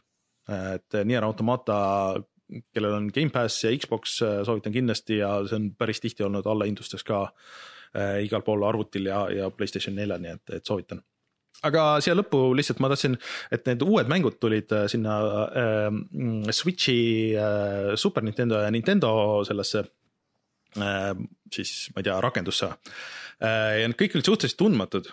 ainuke nimi, mida ma natuke olin kuulnud, oli Panel de Bon äh,, mis on sihuke puslemäng äh, ja see tuli vist äh, hiljem mujal maailmas Play, Super Nintendole siis kui Tetris Attack.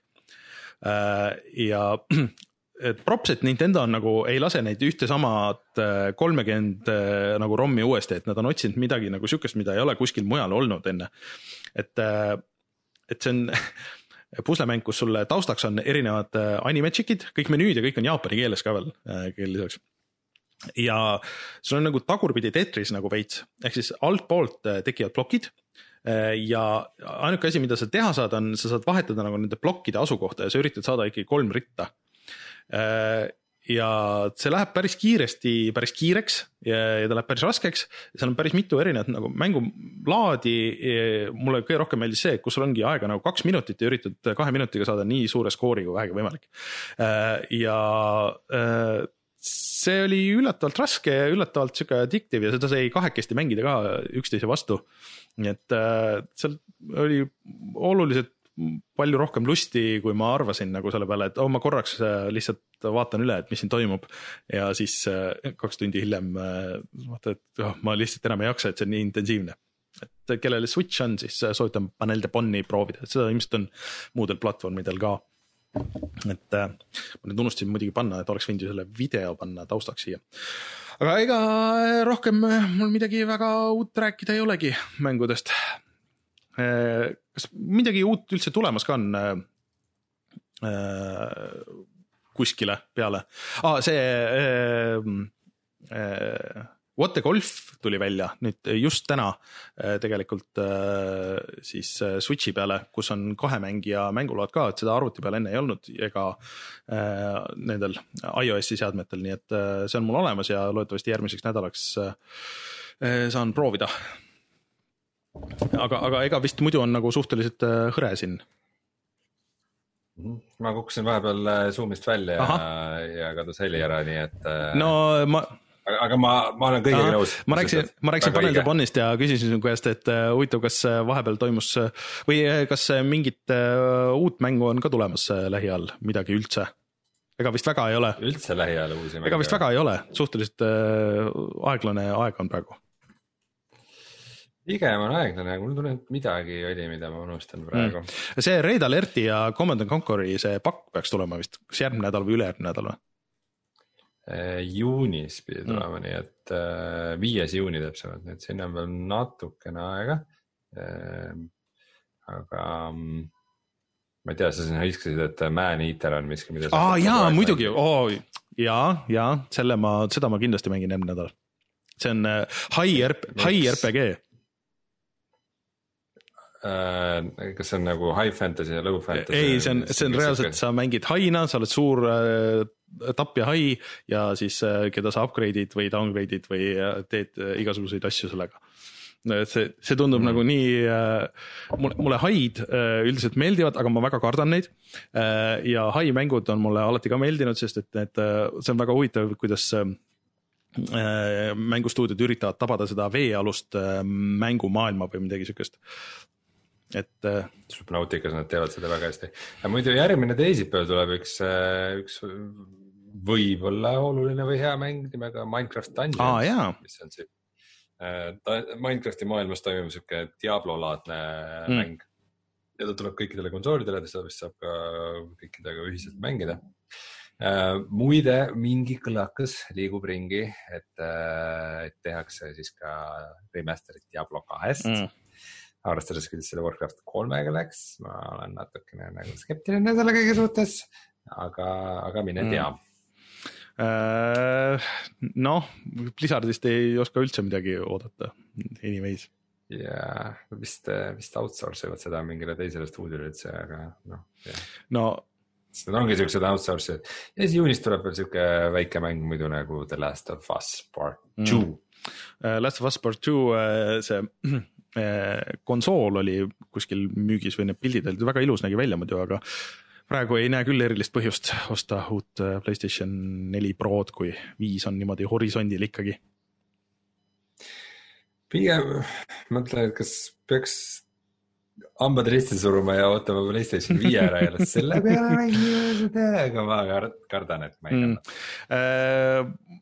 mingi jutt ju oli, et ikka äkki äh, see Bloodborne on tulemas äh, arvutile.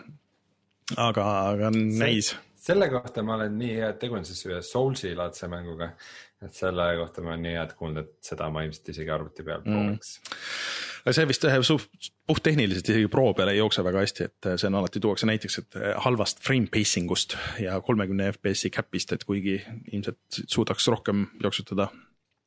aga noh, aga kutsume kohe saate saateks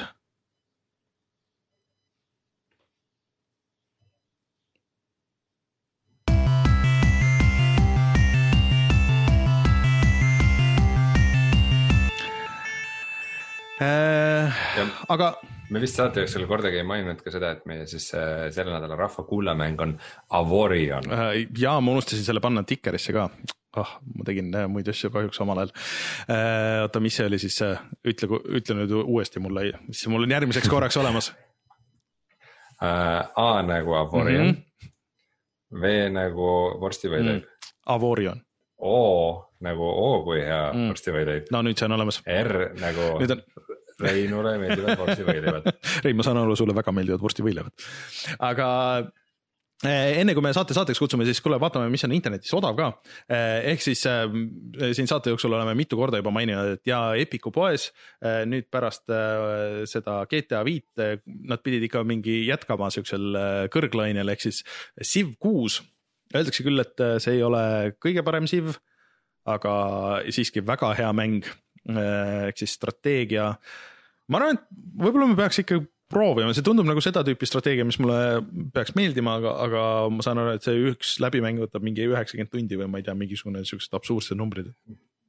mina ei ole saanud kunagi Civi fenomist aru, mis Civ, Civ nelja ma üritasin mängida ja ma mängisin seda umbes terve päeva ja mõtlesin, mul ei ole nagu üldse lõbus või nagu mul ei olnud tunnet, et ma nagu kontrolliks situatsiooni, et asjad juhtusid, mul läks nagu hästi, aga see on kuidagi niisuguse hästi kaudse kontrolliga mäng, aga ma saan aru, et väga paljudele läheb see väga-väga-väga mm. peale, nii et äh, ilmselt, ilmselt mööda no. ei saa panna, kui siukse mängu. jah, et äh, ma arvan, et äh, oma silm on kuningas, aga see vist nõuab ka arvutilt nagu üksjagu, sest et see vist graafiliselt päris tuus. aga tegelikult käimas on Humble'is ka päris äge pakk, et kõik see raha, mis oled Civi pealt nüüd kokku hoidnud siis äh, seal on Namco Bandai pakk, kus äh, viieteist eurose äh, paki sees on näiteks Tekken seitse, mis oli väga hea. Seal on Katamari, seal on veel mitu mängu, mis mul hetkel kohe ei ole silmade ees ja ei saa öelda, aga ja siis, kui maksad selle vist kaheksateist või midagi siukest, siis oli see Man of Medan see horror mäng nendelt Until Dawn Man või From Medan. Eh, ja see oli ka seal pakis siis sees, nii et suhteliselt odavalt saab selle um,. oota, kuidas pidi see oli nüüd uh,, see oli mingisugune antoloogia ja Man of Medan oli selle esimene Just, osa. niipidi oli jah. mis selle antoloogia nimi oli, mäletad? Dark midagi ma pidin selle ikka lahti võtma. The Dark Pictures Äh, kakskümmend kolm eurot, vabandust okay.. Äh, et äh, selles pak-. ja selle mingi teine osa oli vist ka väljas või? Ei, alles nad vist kuulutasid välja, aga vist. midagi siukest, ma nii ka väga ei ole kursis hoidnud, see on natuke segane, vot see on see episoodiline värk, eks ole, et natuke segane oli see kõik minu jaoks, mis on mis. -hmm. aga minge vaadake Humble'i poodi ja seal juba Katamari ja Tekken ja siis Enslaved on seal selles esimeses tier'is ja, ja Tales of Berseria pidi ka hea olema, sihuke Jaapani RPG, et et äh, visake silm peale vot, äh, selline meie saade sellel nädalal, suur tänu Martin Palule, minge siis tasuta proovige Overstepi ka. Äh, äkki saab, äh, kui rahvas läheb kõik, lepite kokku, kui lähme kõik reede õhtul kell kaheksa koguneme Overstepis, siis saab sinna mängu ka sisse, et meil ikka nägime päris palju vaeva, et tookord seda video teha ja. ja me tegime seda päevasel ajal, aga äh, pärast, kui me päriselt tegime videot, tegin õhtul ja siis oli, siis oli päris palju mängijaid, et äh, neljapäeva ja reede õhtud tunduvad küll mm. siuksed, et äh, kui Overstepi proovida, siis ilmselt nendel aegadel, nii et äh, olenevalt sellest, millal te saadet kuulete, siis soovitan minna mm -hmm.